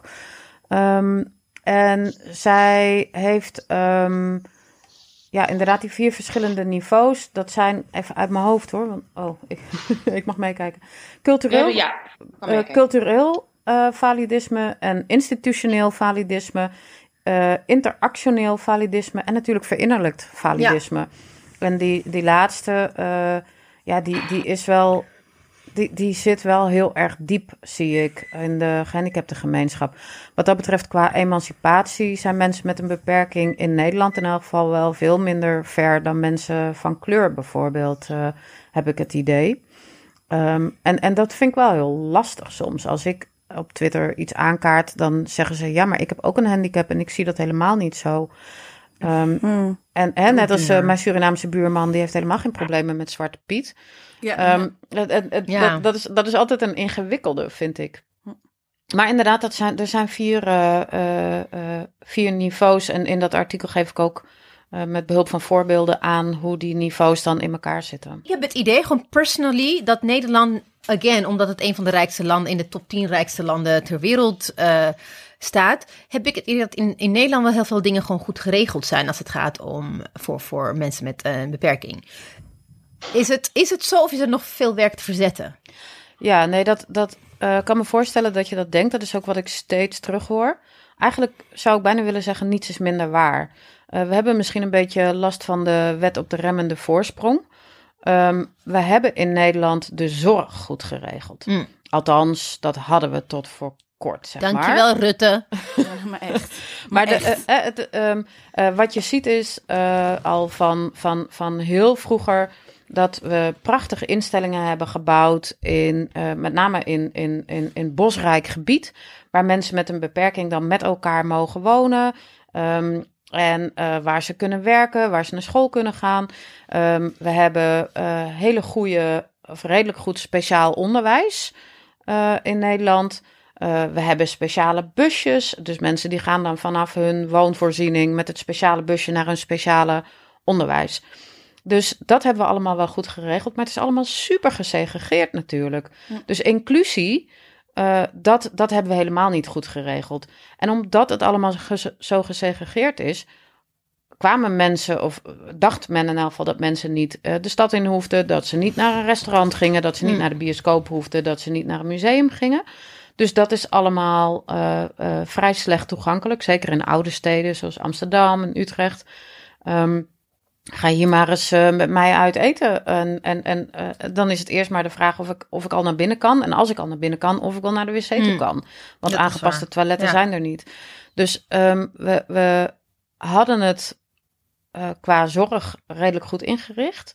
Maar qua inclusie helemaal niet. En als ik in het buitenland kom, dan is het echt veel beter geregeld. Dat is dus wat, wat dat is dus inderdaad echt dat, dat weird paradox. Want in mijn hoofd, living in the Netherlands as long as I do, especially in, in, in, in Amsterdam, publieke voorzieningen, je ziet heel vaak heel veel, tenminste, vond ik, dat er genoeg voorzieningen waren voor mensen met een handicap. En ik moet eerlijk bekennen dat, dat het ook voor especially when I go to London, elk jaar ga ik naar Londen vanwege de London Book Fair. En daar als je de metro in en uitkomt, dan, dan zie je hoe, hoe compleet ontoegankelijk is voor mensen met een handicap. eh, de, de metrostations in, in, in Londen. Maar ook, ook als je kinderen hebt en met, met een kinderwagen is het gewoon echt onmogelijk. Dus heel veel mensen die ik ken die kinderen hebben, kiezen er ook voor om met de bus te reizen. Maar ik, in mijn hoofd was het in Nederland gewoon veel beter. Nee. En dat, dat is pas. Nee. maar dat is dat is true, because dat bij mij ging licht echt aan. Lichtknoop aan, hoe zeg je dat? Oh. Let's not go there. Toen ik eh, in januari naar. ehm, ik, ik werk drie dagen in de week in Den Haag. En I take the, the train in Amsterdam Zuid. En het is echt. Het is gewoon. Het is, het is Zuid. Het is. ehm, Zuidas. Het is where the money is concentrated. But it's, they have like the shittiest train station ever. En dat is gewoon echt volledig, volledig, compleet, ge- geen enkele rekening wordt gehouden met, met eh, mensen met handicaps. En toen, toen pas de, realiseerde ik, nee, dat klopt. Dat beeld wat ik heb van Nederland klopt gewoon niet. Nee. Nee, eh, ik denk dat het over het algemeen in de UK juist heel veel beter Ja. is dan, eh, dan in Nederland. En een van de redenen, een van de belangrijkste redenen daarvoor, is dat in de UK heb je veteranen. Mm. eh, mensen, veteranen van de Falklandoorlog. Mm. En die hebben dus gevochten voor hun, eh, voor hun land, zoals dat dan eh, altijd zo patriotisch genoemd wordt. Die hebben gevochten voor hun land en die komen terug en die zitten bijvoorbeeld in een rolstoel. En die konden vervolgens nergens, nergens meer naartoe. Die konden niet meer zelfstandig hun eigen leven leiden. En die zijn heel erg activistisch geworden en die hebben dat gewoon opgeëist. En daarom is Engeland of de hele UK Hmm. eigenlijk, vind ik, heel erg toegankelijk. Misschien de metro in, in Londen heel niet. oud, Het is heel is erg heel oud, oud, ja. inderdaad. Ehm, maar eh, Schotland ben ik laatst geweest. eh, in oktober ben ik daar vier weken geweest. En dan ook echt in het noordelijkste deel van Schotland, waar bijna niemand woont. Er woont 5% van de hele Schotse bevolking woont in dat deel waar ik was. En, da- daar is het gewoon. en daar is het gewoon overal toegankelijk gewoon. Ehm, eh, als ik, als ik eh, eh, naar een openbaar toilet. Nou ja, daar wil je sowieso al niet heen in Nederland. Maar Nee. in Schotland kun je daar gewoon heen. En die is ook nog toegankelijk. En die is om de zoveel kilometer staat er een openbaar toilet waar je naartoe kunt. Maar ook alle restaurants waar ik naartoe ben gegaan, alle Dat pubs waar ik naartoe ben gegaan. Ik hoefde niet van tevoren te bellen en te vragen van kan ik hier met de rolstoel naar binnen? Nee, dat kon gewoon. En Wauw. ehm natuurlijk, er waren wel, er was geloof ik op die hele reis is er eentje geweest waar ik uit de rolstoel moest stappen. En dat privilege heb ik. Ik kan een beetje staan en lopen. Waar ik uit de rolstoel moest stappen. Dan ging mijn vriend de rolstoel naar binnen tillen. En dan moest ik twee eh, drempeltjes over. Of twee Hmm. traptreden, zeg maar. En verder eh, eh, ja, was het allemaal toegankelijk. Ook in grote supermarkten. Hmm. Gewoon midden in die supermarkt of achter in de supermarkt. een aangepast toilet. Hmm. Waar, waar, waar je gewoon... Toilet in een supermarkt. supermarkt. Ja, ik bedoel, Sowieso. sowieso al, hè? Ja. Ehm, eh, briefjes op de ruit van eh, eh, op de, die en die dag in de week om die en die tijd is er een uurtje, eh, een prikkelarm uurtje. Dus kunnen mensen die last hebben van prikkelgevoeligheid, die Oh. kunnen eh, boodschappen gaan doen. Oh, wauw. In, in gewoon in, in een of ander fucking dorp in, in Schotland. Wauw. Ja. Ja, that's unthinkable. Maar ja. We hadden het eh, een beetje over bo- bondgenootschap binnen, binnen, ja, in het algemeen ook hiervoor. Weet je, hoe, hoe ben je die bondgenoot? Hoe ben je die ally binnen de verschillende ismes? En, ehm, weet je, wij kunnen, wij kunnen van alles daarover zeggen wanneer het komt op, ehm, weet je, eh, wit privilege. Maar wij, ik denk dat ook vooral luisteraars heel nieuwsgierig zijn en ook heel graag willen leren. We hebben een hele eh, leergierige eh, doelgroep. Ehm, hoe dat zit met, met validisme. Wat voor een bondgenootschap zit jij, nou is jij en, en de, kan je dat zeggen, de gemeenschap, waar, op wat voor een bondgenootschap zitten ze te wachten en juist helemaal niet? Ja, nou, dat geldt een beetje hetzelfde voor als wat ik net zei. Hè. Alles wat ik zeg, dat, dat, dat geldt wel heel erg voor mij. Ja. En eh, ook voor een heleboel mensen die ik ken, maar niet voor iedereen. Ehm, maar waar, we, waar ik ehm, wel op zit te wachten is... ehm, daar kun je vast ook wel wat bij voorstellen. Ik ging laatst met een collega eventjes een broodje kopen.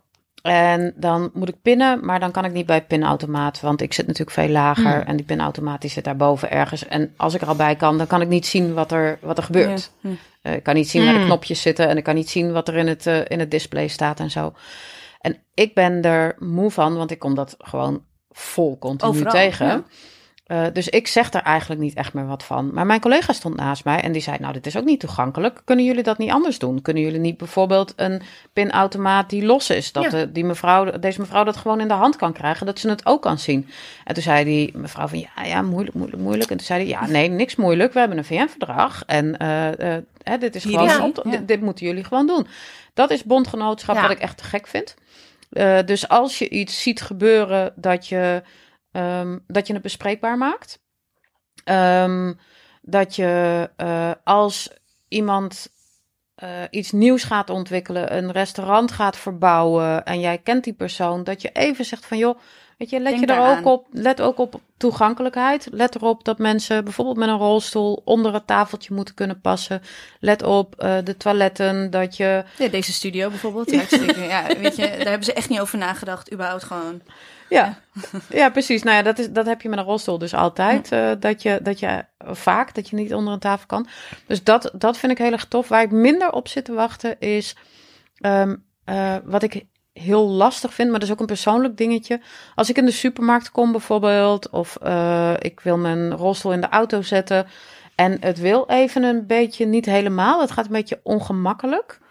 Ehm, dan moet ik echt niet om me heen gaan kijken. Want als ik om me heen kijk Ah. en iemand ziet mij, dan komt hij er meteen aanrennen om mij te redden. En dat is allemaal heel lief bedoeld. Dat snap ik. Dat is allemaal heel goed bedoeld. Maar het geeft mij constant het gevoel dat ik sowieso alles in één keer goed moet doen. En dat ik het gehaast moet doen. Want als het langer duurt of als het een beetje moeizaam Ja. gaat, dan heb ik alweer iemand in mijn nek die, die, die, Ja. die wil helpen. Ehm, maar het geeft me ook het gevoel dat ik, dat ik hulpeloos ben en hulpbehoevend ben. En dat doet iets met mijn zelfbeeld. Ja. Ik merkte echt op een gegeven moment dat ik, als ik naar de supermarkt ging, dan deed ik mijn koptelefoon op eh, om, eh, om me dus echt af te sluiten voor andere mensen. Ik maakte geen oogcontact meer met mensen, omdat mensen ehm, constant vroegen van, eh, zal ik u even helpen? Of ehm, ehm, moet ik even dit voor u doen? Of, moet ik, of, of inderdaad vragen stellen als waarom zit je in een rolstoel? En eh, dat, dat is geen fijne manier van leven. Om, ja, misschien herkennen jullie het ook wel als je in een hele witte omgeving bent, dat je ook die neiging hebt om, om, om een koptelefoon op te doen of om je af te sluiten voor de omgeving. Achteraan zitten. Ja, zit altijd precies. lekker achteraan. achteraan Nou, ja. Ehm, wa- wat ik wel tof vind is als, als ik loop te klooien en, en ik loop echt te klooien, dat iemand gewoon vraagt van joh, lukt het? Dat vind ik een hele mooie vraag. In plaats van echt invasive iets van je afpakken helpen? Ja, en precies, te dat- jassen. Ja. ja. Ja, ik heb wel eens gehad dat ik inderdaad moeite had om dingen, boodschappen achter in mijn. Ik heb achter mijn rolstoel een tas hangen, daar stop ik dan boodschappen in. En ja, dat is een beetje, dat ziet er een beetje onhandig uit. En, en omdat mensen dat dus die kunnen dat niet aan, dat dat er onhandig uitziet. Mm. En die trekken dat dan uit mijn handen en gaan dat dan zelf in die tas eh, stoppen. Terwijl ik denk van, ja, weet je, dat is jouw moeite met eh, eh, dat Precies. ik loop te Ongemak, worstelen. ja. Terwijl ik heb, daar, ik heb daar geen last van. En als ik er wel last van heb, dan vraag ik wel om hulp. Maar als je gewoon vraagt van, hey, lukt het? Dan ehm, hou ik zelf de regie. Want dan kan ik of zeggen, nee, het lukt niet. Eh, wil je me alsjeblieft helpen? Mhm. Of ik kan zeggen, ja hoor, lukt, gaat prima. Het heeft denk ik, heel erg te maken met hoe, hoe de maatschappij eigenlijk gewoon, ik denk, centuries long ingericht is met helping others. Dat dat Ja. gewoon, dat barmhartigheid. Christ- Can we blame Christianity? Ja, ja, ja.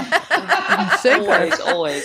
Eh, tenminste, zo ben ik opgevoed. En dat je altijd iemand moet helpen. Sowieso, helpen is gewoon het moet. Ja, Je moet andere mensen helpen. Maar en ik, die neiging heb ik, wat je be- beschrijft. Ik, you're, you're, you're describing me. Ik heb die neiging heel vaak. Van ik van, moet ik nu ingrijpen of niet? Moet ik hulp aanbieden of niet? Dat heb ik heel erg. Maar, maar niet alleen met mensen met beperking, maar ook gewoon if I see like, especially the older generation when they, when they struggle, dat doet mij gewoon pijn. Want ook denk ik, misschien is het bias, misschien ook het feit dat in Nederland heel veel oudere mensen gewoon lonely zijn. Dat ze alleen zijn. En terwijl in, in Ethiopië word je omringd door familie. Je wordt ook verstikt door familie. Dat is dan weer de andere uiterste. Dus dat heb ik heel erg van. Ik wil helpen, maar ik weet niet of ik... Ik heb geleerd om niet meteen eh, bovenop te springen. Maar, Nee, maar ik, we het is, ik vind het heel lastig. opgevoed. Ik weet Ja, op de ik ben kleu- zo- op- ja. toen ik klein was op de kleuterschool, gingen we dat ook echt oefenen. Met inderdaad, Oh i- de hup, boodschappentassen afpakken van oude mensen en dan meelopen. Wow, en weet je wel, in de tram opstaan. Dat, dat Ja. oefende ik echt Ja. als klein Terwijl heel veel oudere vrouwen best wel bang zijn als je gewoon op ze afkomt lopen. En ik weet wel dat bijvoorbeeld eh, eh, mannen dat vaak hebben, die mij dan vertelden van... Ja, ik ga wel heel, vooral Marokkaanse mannen, die zeggen van... Ik ga wel heel voorzichtig naar een oud vrouwtje toe, want anders schrikt ze van me. En dan denkt ze van... Oh, hij- weet je? Ja. That is also true. Ja, maar ik denk dat het, om terug te komen op, op Sandra, dat het ook met zichtbaarheid te maken heeft. Van als je, als je zegt van, ja, wij zijn, want we hebben heel lang, ehm, weet Ja. je, door die segregatie ehm, zijn mensen met een beperking onzichtbaar. Hè? Ze Ja. zijn er maar onzichtbaar, omdat juist niet, omdat ehm, de, de, de, nou, de grote steden, Randstad, dan zo moeilijk accessible eh, is. Dat we dan door die onzichtbaarheid, als wij iemand zien die, wat jij, eh, ja, onhandig, maar eigenlijk voor jou superhandig, de boodschappen achterin eh in stopt, dat wij denken, oh, er wijkt iets af, hè, want we zijn Ja. heel erg eh, geïnternaliseerd om hoe een persoon boodschappen doet, dat we daar dan op, op afst- afstappen. So check yourself. Ja, dat is het. En het heeft ook te maken met vooroordeel, wat Ja. je ook al zei, Bisse.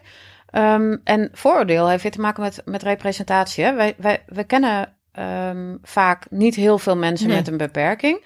Dus de enige mensen met een beperking die je eh, kent, tussen aanhalingstekens, dat zijn de mensen die je ziet op tv of die je Hmm. ziet in een film of waarover je leest in een boek. Ja. En eh, eh, al die films en boeken, die zijn echt zo eh, fout. Ja, ehm, want die zijn heel erg gericht op. eigenlijk is er zijn twee verhaallijnen. De ene is ehm, als je een beperking hebt, dan ben je heel erg zielig. En dan wil je eigenlijk het liefste ook wel dood. Ehm, en gelukkig aan het einde van het verhaal mag je dan dood.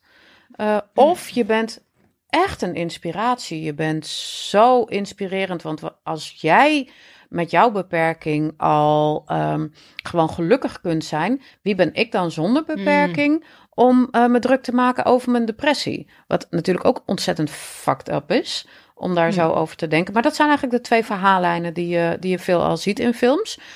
En dus ehm, eh, als mensen eh, zonder beperking mensen met een beperking zien, dan denken ze ook inderdaad dat hij eenzaam is, dat hij geen Ja, relatie ja. kan hebben, dat hij eh, waarschijnlijk geen vrienden heeft, dat hij een kutleven heeft. En weet je, mensen zeggen het ook wel tegen mijn dochters.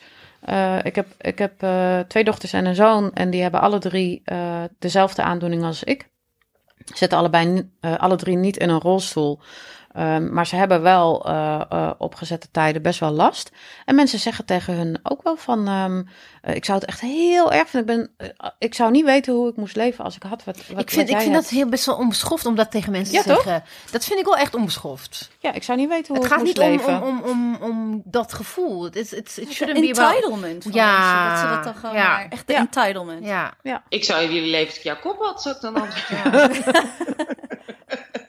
Dat mag ook Nee, niet, hoor. hè? Dan ga je Nee, mensen shamen om hun zeggen. uiterlijk. Dat kan niet, Anousje. Nee. Mag je wel gewoon dan schoppen tegen de schenen? Ja, je mag wel... Oh ja, natuurlijk. Of wat ik ook altijd Doe doe. je dat wel? Nee, maar... Nee, nou, ik, niet tegen mensen aan, maar wel, wat ik wel doe, ik heb bij mijn supermarkt is een soort eh, raar zebrapad. En daar parkeren mensen altijd hun fietsen op. En dan, dan ga ik er altijd met de rolstoel wel echt heel erg dicht tegenaan. En dat, dat ik er dan tegenaan bots en dat hij dan omvalt. En dan, oh, oh, oh, jeetje. Ja, dat doe ik wel. Oh, Ja. zitten de spaken eruit? Oh, wow. Want Ja. ik heb, heb jij de film Us gezien van Jordan Peele? Mm, Ik denk het niet. Want daar is wel heel veel... Spoilers, hè? No spoilers. Ik heb Nee, het ook no nog niet spoilers, gezien. No spoilers, maar daar... Ik, ik, ik, eh, want Lupita Nyong'o, die, die erin speelt, die heeft haar inspiratie gehaald van... En dan ben ik nu even, had ik mijn research wel goed moeten doen, maar het schiet me gewoon te binnen. Dat zij heel veel kritiek heeft gehad, omdat zij... eh, het gaat zeg maar om een soort van parallele wereld. En dan heb je de mensen die op aarde leven en de mensen die onder de grond of zo eh, leven. Oh, En zij- op eh, Netflix of niet? Nee, nee, die zit Oh, nu in de bios. Oké, oh, En oh. zij heeft dus de, de, de enge mensen. Heeft zij gezegd van ja, mijn research waar ik heb gedaan was dus met mensen met een bepaalde geestelijke beperking. Dus heel erg kortademig en heel veel moeite met praten. En daar is dus heel veel kritiek op gekomen. En dat is weer echt zo'n classical case van eh I'm just sorry I got caught, weet je wel. En Ja. toen was er ook weer een heel kritiek. Mogen we een eh, kritiek hebben op een zwarte actrice? Want er zijn toch heel veel acteurs die voor haar zijn geweest die dat hebben gedaan. Maar goed, daar is ook heel veel kritiek op geweest. En dat dus eigenlijk nog steeds anno 2019 dus Ja. dit als horror wordt, eh, Ja. wordt gebruikt. En ik vond het heel naar om die... Ik vond het niet zo'n goede film, sorry. En, eh, Daar dus- ben ik dus bang voor. Ik heb ook gewoon een paar rare reacties gezien, dus ik weet ook niet of ik het goed ga vinden. Ja, goed, ja. ja. Ja, Let's not precies iets- ja, erg hè? Ja, This is so erg, hè? Ik heb weird. precies hetzelfde. Ik ben nog steeds niet geweest omdat ik denk van, oh, hmm, I ja, don't know. ik ben wel geweest op een date. en... eh, Do we want to know? Nou, you don't want to know. Maar ik dacht even naar een horrorfilm, dan kan ik zijn arm vastpakken, weet je wel. Maar, eh, ehm, Maar dan eh, begrijp ik het, want ik heb hem dus niet gezien. Begrijp ik goed dat ze dus eh, de bad guys in. ja, eh, ja, de enge personages zijn, van de film, zijn, de zijn mensen met een beperking. Ja, dat is, nee, dat, nee, dat de is manier waarop ze praat. Nee? De manier waarop ze praat. Haar, ze heeft haar inspiratie. Ze heeft dus in een interview gezegd dat ze haar daar Oh. inspiratie. En dat het dus heel erg lijkt op hoe die mensen. Ja, het was echt Cringe. heel. Maar anno 2019 nog. Maar zij is, nou ja, daarin heb je wel gelijk. Het is natuurlijk wel echt wel ehm, raar om daar met z'n allen heel hard over te vallen. Eh, als we niet ook bijvoorbeeld over Brian Cranston eh, eh, vallen. Daar is een ander artikel dat ik ook voor One World heb geschreven. Hè, over ehm, Brian Cranston die eh, ehm, de film Les Intouchables. Dat is zo'n Mhm. Franse film. Mhm. Misschien kennen jullie hem. Ja, Eh, die, die, het hele verhaal, die hele film, vreselijk, maar goed, ja. nou, Ja. die, die wordt geremaked eh, in een, eh, in een Amerikaanse film. Brian Cranston, eh, dat is Walter White uit ehm, Ja. Breaking Bad. Breaking Bad. Die speelt, die, eh, eh, speelt de hoofdpersoon. En ja, voor hem, bij hem is het extra eh, eh, moeizaam, want hij in Breaking Bad, zijn zoon heeft cerebrale parese, waar we, hè, wat Mhm. eh, die jongen uit Special ook heeft. En die acteur heeft ook daadwerkelijk echt cerebrale parese. En hij heeft toen gezegd dat hij een enorme ally was voor eh, Mm. acteurs met een beperking. Want er zijn natuurlijk heel weinig rollen voor mensen met een beperking. En al die rollen worden vaak gespeeld door mensen zonder beperking. Dus eh, hij heeft toen heel erg een lans gebroken voor mensen, voor acteurs met een beperking. En nu heeft hij dan wel deze rol genomen, want dat was een business decision. Ja, Mhm. het is een Oscar decision. Ja, dat was een Oscar decision Dat, dat inderdaad. is ook inderdaad iets waar, eh, waar inderdaad gewoon able-bodied acteurs... Kijk, er, is- er, je er het is... hebt over allyship. eh, Ja, allyship, ja, en er is de afgelopen jaren is er heel veel backlash wanneer witte mensen zich sminken als Aziaten of zwart Ja, of oh, whatever dat om die rol te spelen. Dat daar zijn ze wel de laatste tijd they're very much aware dat dat niet meer kan. Zelfs Aladdin, eh, de backlash heeft ervoor gezorgd dat ze de juiste mensen hebben. Ik heb de, trouwens, I saw, de trailer, het ziet er prachtig uit. ik Maar maar met, met validisme en met mensen met een beperking, dat is nog steeds een ding. Het zijn alleen maar gewoon A-list actors die dan... Ja, maar ook met aankomen. Je Ja. krijgt een Oscar als je 15 kilo aankomt. En Ja. daarna natuurlijk dat er weer, eh, gaat het er weer af natuurlijk. Of En dan, en dan binnen zes weken kan je een boek over schrijven, weet je wel? ja, dat Renee. Zellweger, twee keer ze dat gedaan voor Bridget Wie? Jones. Renee Oh, Zellweger. oh, ja. ja, ja, Bridget Jones? Oh, ze is wel twee keer 15 kilo Christian aangekomen. Bale's hele carrière is ook gewoon gebaseerd op aankomen afvallen. ja. Ja, nou ja, zo zie je dat bijvoorbeeld ook bij Dustin Hoffman, die Klopt. voor Rain Man. Rain Man, eh, klopt. Dus zo Sean knap Penn. hoe hij een... Charlize een, Theron. een- Charlize Theron ook. Sean Penn. Sean En- en Penn, the list inderdaad. goes on and on Ja. and on. ja, het is bijna zo als je eh, al een beetje een gevierde acteur bent en je speelt een disabled eh, person. Dan krijg nou, je dan een weet je gewoon dat je een Oscar krijgt. Ja. Ja, ja. Of, of playing a trans person. Ja, precies. Eh, Jared Leto. Ja- Jared Leto. Het, het gaat, en ook, Ja. of playing a queer person. Ja. Het, het, het zijn allemaal Oh, dingen. zo knap dat hij eh, is- zo, zo geloofwaardig kan spelen dat hij gay is. Oh, hey, bedoel, hij heeft een man gezoend. Ja, Hij heeft een man gekust. gezoend. Oh. Oeh. Ja, oeh, Of. Jared Leto, hij durft in een rokje aan. Ja, Ja. Nou, d- d- da- daar zie je inderdaad wel dat, dat dat gaat nog wel een beetje gelijk op Ja. ook met eh, eh, mensen met een beperking. Dat, daar, daar liggen ze nog net zo ver achter, Ja, zeg maar, klopt. als het gaat om. LHBT-acteurs. ja. Is, het is weer een geweldig gesprek met jou. Ehm, ehm, mensen kunnen jouw stukken lezen. We hebben One World. Je bent daar echt een eh, prachtige, eh, prachtige bijdrage leveren aan. One World. Ja, maar als, daar, daar wil ik nog wel wat over zeggen. Want als je het hebt over allyship, dan denk ik dat One World en daarmee Saada dat gewoon echt, ge- ja, echt geweldig doet. Eh Saada heeft mij op een gegeven moment een keer een berichtje gestuurd. Die volgde mij ook op Twitter. Van ehm, eh, wil jij eh, een artikel schrijven over validisme en over validistisch taalgebruik? En, ehm, en, en toen is het ook gaan rollen. Want ik ben. ik heb al heel lang niet meer geschreven voor One World. Hartstikke druk.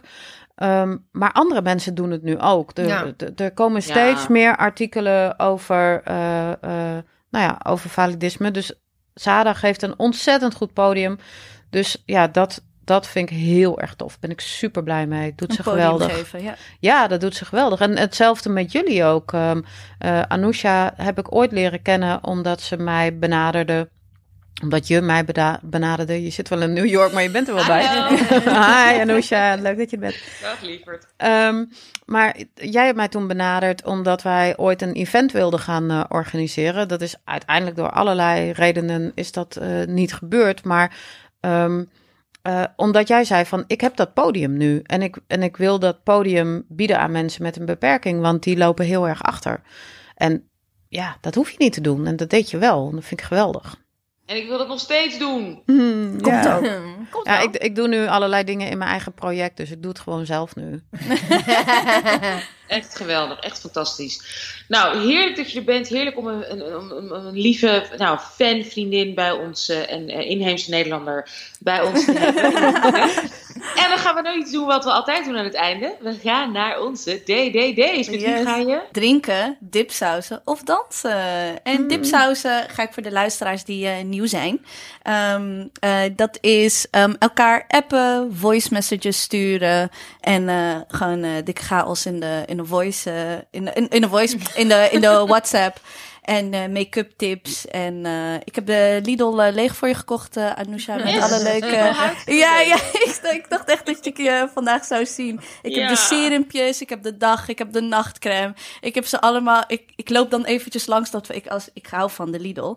En dan... Ik loop eigenlijk nooit bij de gezichtsverzorging. Maar ik wist dat... ehm, en dat hebben we ook weer via Curl Bella die we hebben geïnterviewd. Die heeft dus reclame gemaakt voor de serums en dat soort dingen. Dus ik ging even langslopen. En weet je, de Lidl bij mij in Den Haag is heel... ehm, ja, die, heeft, die hebben gewoon soms dingen niet, weet je. Dan verdwijnen ze. En toen hadden ze die serum, dacht ik, hey, meenemen. Nee, maar Dus ik ze- kom in de zomer. Ik ben ja, ze wachten, ze wachten op jou. Dus dat is eigenlijk dipsaus. Dus je denkt aan elkaar, aan BH's, aan serumpjes, maar ook boeken en Memes. En memes. Maar we, ja, take it away. Goed, onze DDD's voor jou zijn. Met wie ga je dus wat doen? Je moet iets kiezen met één van de drie. Dat is ehm Luciel Werner. Mhm. We hebben voor jou Mark de Hond. En we hebben voor jou Peter Dinklage. Ik weet niet of je hem kent uit Game of Thrones. Maar anders weet uh, Ebice en Ik weet nog, Ebice weet alles over Dit zijn dezelfde eh, DDD's die we de vorige keer hadden. En toen kende ik hem ook al niet. Oh, en ik ken hem nu nog steeds niet. Maar ehm, uit Game of Thrones is... Kijk je naar Game of Thrones? Nee, sorry Manju, Oké. maar ik kijk niet. Sorry, maar, Manju ook. ja. Nou, we hebben wel een... Maar Hij ehm, zeg maar, ik, ik, ik weet niet of ik het goed zeg, hij is een klein persoon. een klein persoon. Ja, dat dacht ik al. Ja, ja, ja, dat zeg je goed inderdaad. Maar hij is een beetje ook wel hij was evil, maar hij komt uit een hele evil familie. Maar op zich kan je wel Als- Dit is geen Game of Thrones uitzending. Save Nee. it for Monday. Maar een beetje... Oké, Nee, maar, ehm, ja, het is een fantastische acteur. Ja. Ik heb hem in meerdere. Ik ken hem, ik ken hem niet uit Game of Thrones. Ik ken hem uit andere, eh, andere series. Maar het maakt niet uit of hij een bijrol speelt. Het is zo'n acteur die inderdaad. Maakt niet uit wat hij doet. Hij steelt gewoon de scène. Ja. Ongelooflijk. Echt mega charismatisch. Oké, ehm, nou, ehm, even denken. Lucille Werner vind ik altijd een beetje moeilijk. Ehm, Waarom? nou, Ebice die had het net eventjes over, eh, ja, dat over je opvoeding en eh, over dat mensen, dat je geleerd wordt dat je voor mensen moet zorgen, mensen moet helpen en zo. Hè? En dat is het, eh, ik, ik kijk, heb ik niet zelf bedacht, maar ik kijk van, naar handicap vanuit verschillende modellen. En een van de modellen is het charity model, het liefdadigheidsmodel. En de andere is het eh, medical model. En het medical model is vooral eh, van jij bent stuk eh, en, en we gaan jou proberen te fixen zo goed en zo, zo kwaad als het kan. En dan kun je weer gewoon meedoen in de maatschappij die nog steeds helemaal ontoegankelijk is. En de charity model is vooral van ehm, eh, wij moeten van de Heer moeten we voor jou zorgen. Willen we niet echt, maar dat, dat, hè, dat, dat, barmhartigheid, dat hoort een beetje Ja. zo. En jij moet vooral heel erg dankbaar zijn. Ja. Heel gechargeerd, Ja. maar dat zijn die, die, die modellen, die twee modellen, die versterken elkaar heel erg. En je hebt het social model en het ehm, mensenrechten eh, human rights model. Dat is waar het VN-verdrag handicap vanuit eh, redeneert. En die zeggen van ja, de maatschappij die is ehm, niet toegankelijk. En eh, die moet eh, aan hè, mensen, de maatschappij en de staat moet aan de slag. En dan kunnen mensen met een beperking gewoon meedoen. Lucille zit heel erg in dat medical en eh, ehm, eh, charity model, vind ik. Mm. Ehm, heel erg, zij zegt dingen als ehm, eh, dat, ik geloof dat Gordon of Gerard Joling, een van die twee, eh, die, die maakt dan grapjes van, eh, oh kijk, daar heb je Lucille Werner. Haha, nou het kan raar lopen. En dat is dan heel grappig, want Lucille Mhm. Werner loopt eh, niet gewoon. En zij zegt van, nou dat... Dat moet kunnen, dat soort grapjes. Ja. Je moet dat soort grapjes over jezelf kunnen laten. Want dan worden we gelijk behandeld. Precies, Dat want dan worden we gelijk- is lean in. Het is een andere versie van dat lean in activism. Dat je, dat, je, dat je gewoon moet maar meegaan met de Ja. norm. Ja, Je Dat moet krijg een je hard, een hard, eh how to say it, huid kweken because it's for the greater good or something. Ja, en, en, en ehm, eh, eh, dan, dan kunnen mensen je ook beter leren kennen als ze hele nare grapjes over je maken. Ik weet niet precies hoe het werkt, maar ehm, dat. dus nou, dat, dat is. Ik, ehm, hmm, nou, Lucille Werner. Ehm, ik, Maar denk, wat ga je met haar doen? ik denk dat ik met haar ga drinken. Ehm, en alcohol ook. Zij kan, in, zij kan een glas bier kan zij gewoon in één teug zo eh, eh, achterover slaan. Dat vind ik dan wel weer heel stoer aan haar. Dat is een talent. Ze is een talent. Ze heeft een talent. En, ehm, en, en dan wil ik wel eens met haar. Ik wil haar dan wel een klein beetje educaten Ja. eh, over die verschillende modellen en zo. Dus dat zou ik met Lucille gaan Bij de doen. hand nemen. Ehm, Mark. Ik ben heel erg fan van Mark. Mark de hond vind ik echt een hele toffe gozer. Ehm, die, is, eh, die, die is heel erg bijgedraaid. Of heel erg. Nou ja, die, die zit wel een beetje in hetzelfde hoekje, zeg maar, als ik. Als het gaat om disability eh, activism. Ehm, dus met hem zou ik wel willen ehm eh, dipsausen. Ehm, een beetje sparren. Dat doen we soms wel eens via Twitter zo kort Hmm. eventjes.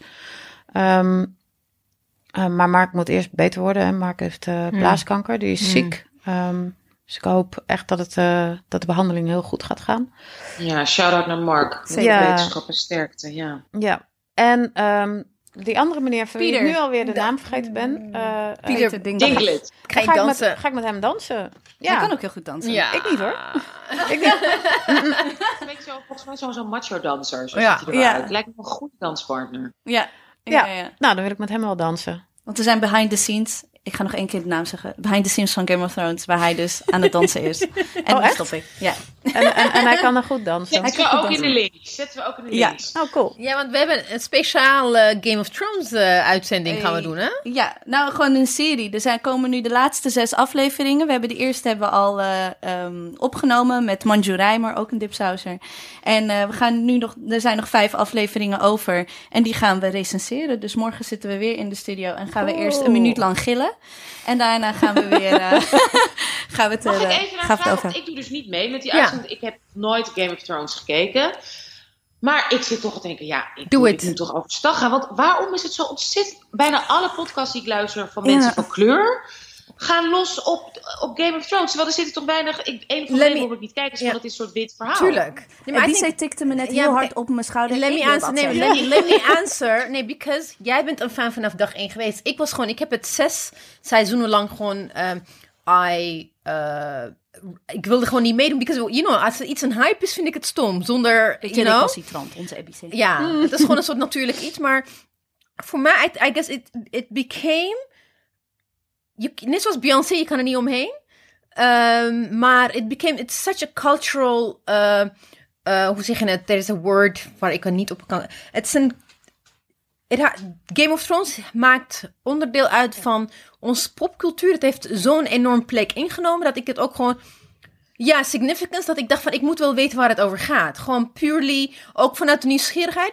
En once you get into the story, you get sucked in. Ja, en ik Maar waarom vinden Ja, zoveel mensen van kleur het dan zo tof? het is ook omdat het, het, is, het, is, het is een fantasieverhaal. Hè? Het is echt gewoon fantasie. Eh, in een best- net zoals ehm, heel, veel mensen, heel veel mensen van kleur hebben ook van, eh, hoe heet dat, de andere... welke? Moet het andere met eh, The Ring, the Ring of Lord of Fire? the Lord. Lord, Lord of the Ring of Rings. Fire. was ook zo'n film. Veel, veel- er, er zijn heel veel mensen die Lord of the Rings niet gelezen hebben, de boeken, maar wel enorm fan zijn van de kind. Because it's, het gaat om echt klassieke verhaal van a young, unappreciated man. Een kwestie, haalt hij het of niet? It's, a very, it's a generic... Maar weer, ik ben toch weer een witte man die dat ja, natuurlijk. Het is, nee, ja. En ook bij dit dus, toch? Jon Ja, oh Snow. nee, 100 Ik bedoel, Hallo, Ja, 100 Wie is dat? Ja, Hij en- heet gewoon letterlijk John Wit. Ja. Ja, ja, Ik precies. wit. En het, het, het, het gaat, en je hebt de. White Walkers en het gaat maar door. Maar het is, het is kijk, the thing is, het is gewoon. We live in a white world waar wij witte ehm comedie, witte verhalen consumeren. Er- Zo zijn er ook gewoon meer andere cultural, how do you say it, dingen die eh, niet witte mensen hebben ook, niet, ook consumeren. En dit is just one of those. Maar because of the era that we live in, social media, heeft het nog meer impact dan any show ooit tevoren. En dat in en of itself is inderdaad fascinerend. Maar er zijn inderdaad, ik luister ook nu naar alleen maar podcasts bij black people. Die dan Game of Thrones helemaal... Kijk, ik vind het leuk omdat ik altijd wel een ding heb gehad voor eh, eh, ridders, Middle Eastern epics. Weet je, ik kan Ja. me nog herinneren dat ik voor, dat Troy uitkwam. Weet je wel, ik, ik hou Lord of the Rings, eh, heel problematisch ook. The Last Samurai, weet je, al Ja. die epic, ehm, grootschalige kwesten, daar heb ik altijd wel wat voor. Ja, het voor is, het is ook wel waar. Inderdaad, bijvoorbeeld in, in Turkije, in Turkish films, epic saga's ook in India. Oh, omdat het ook gewoon, het, het, het is Het is een gebaseerd op... genre. Het het is een genre wat gebaseerd is op bestaande verhalen van ridders en, en history. Dit is medieval British history, maar je hebt ook medieval, de Ottomaanse Rijk heb je, de Mughal Empire heb je in India. Dus het is in die zin, die, heb ik, die, die kijk ik ook inderdaad naar. Maar this is like, because it's Hollywood, because it's HBO, it just, they just dominate nou, the weet world. je, binnen, binnen de, de, de, het Midden-Oosten was toen, eh, zijn Turkse series dan heel populair. Die worden dan vertaald naar het Arabisch. En er was echt wel een hype. Ik heb alles gekeken en ik was echt, eh, het was echt mijn ding. Was de harem, harem sultan, de harem van de sultan. Heel problematisch. maar dat, dat was de, die had dan, en er gingen allemaal vrouwen onderling. En dat speelde in het Ottomaanse Rijk, de, de eh, Emperor Suleiman. En dat was ook gewoon een, een epic quest. Hij, Nee, maar goed, maar die lijken tenminste een beetje op jou, op ons, een beetje erg. Ja. Snap je? Ik bedoel, dit- maar goed, ik geloof dat er nu wel wat acteurs van kleur in zitten, toch? Ja, ja, Ja, En niet alleen maar als een soort van tussen aanstekens slaaf, tot slaaf gemaakt. Jawel. Ja, jawel. Nee, echt? Ja, Ja. die zijn wel bevrijd. De, de white chick with the be- blonde ja, we- hair. We zijn het, is bevrijd. een, we noemen haar moeder. het is een freaking... Het is zo problematisch. It's like, so problematic, Anusha.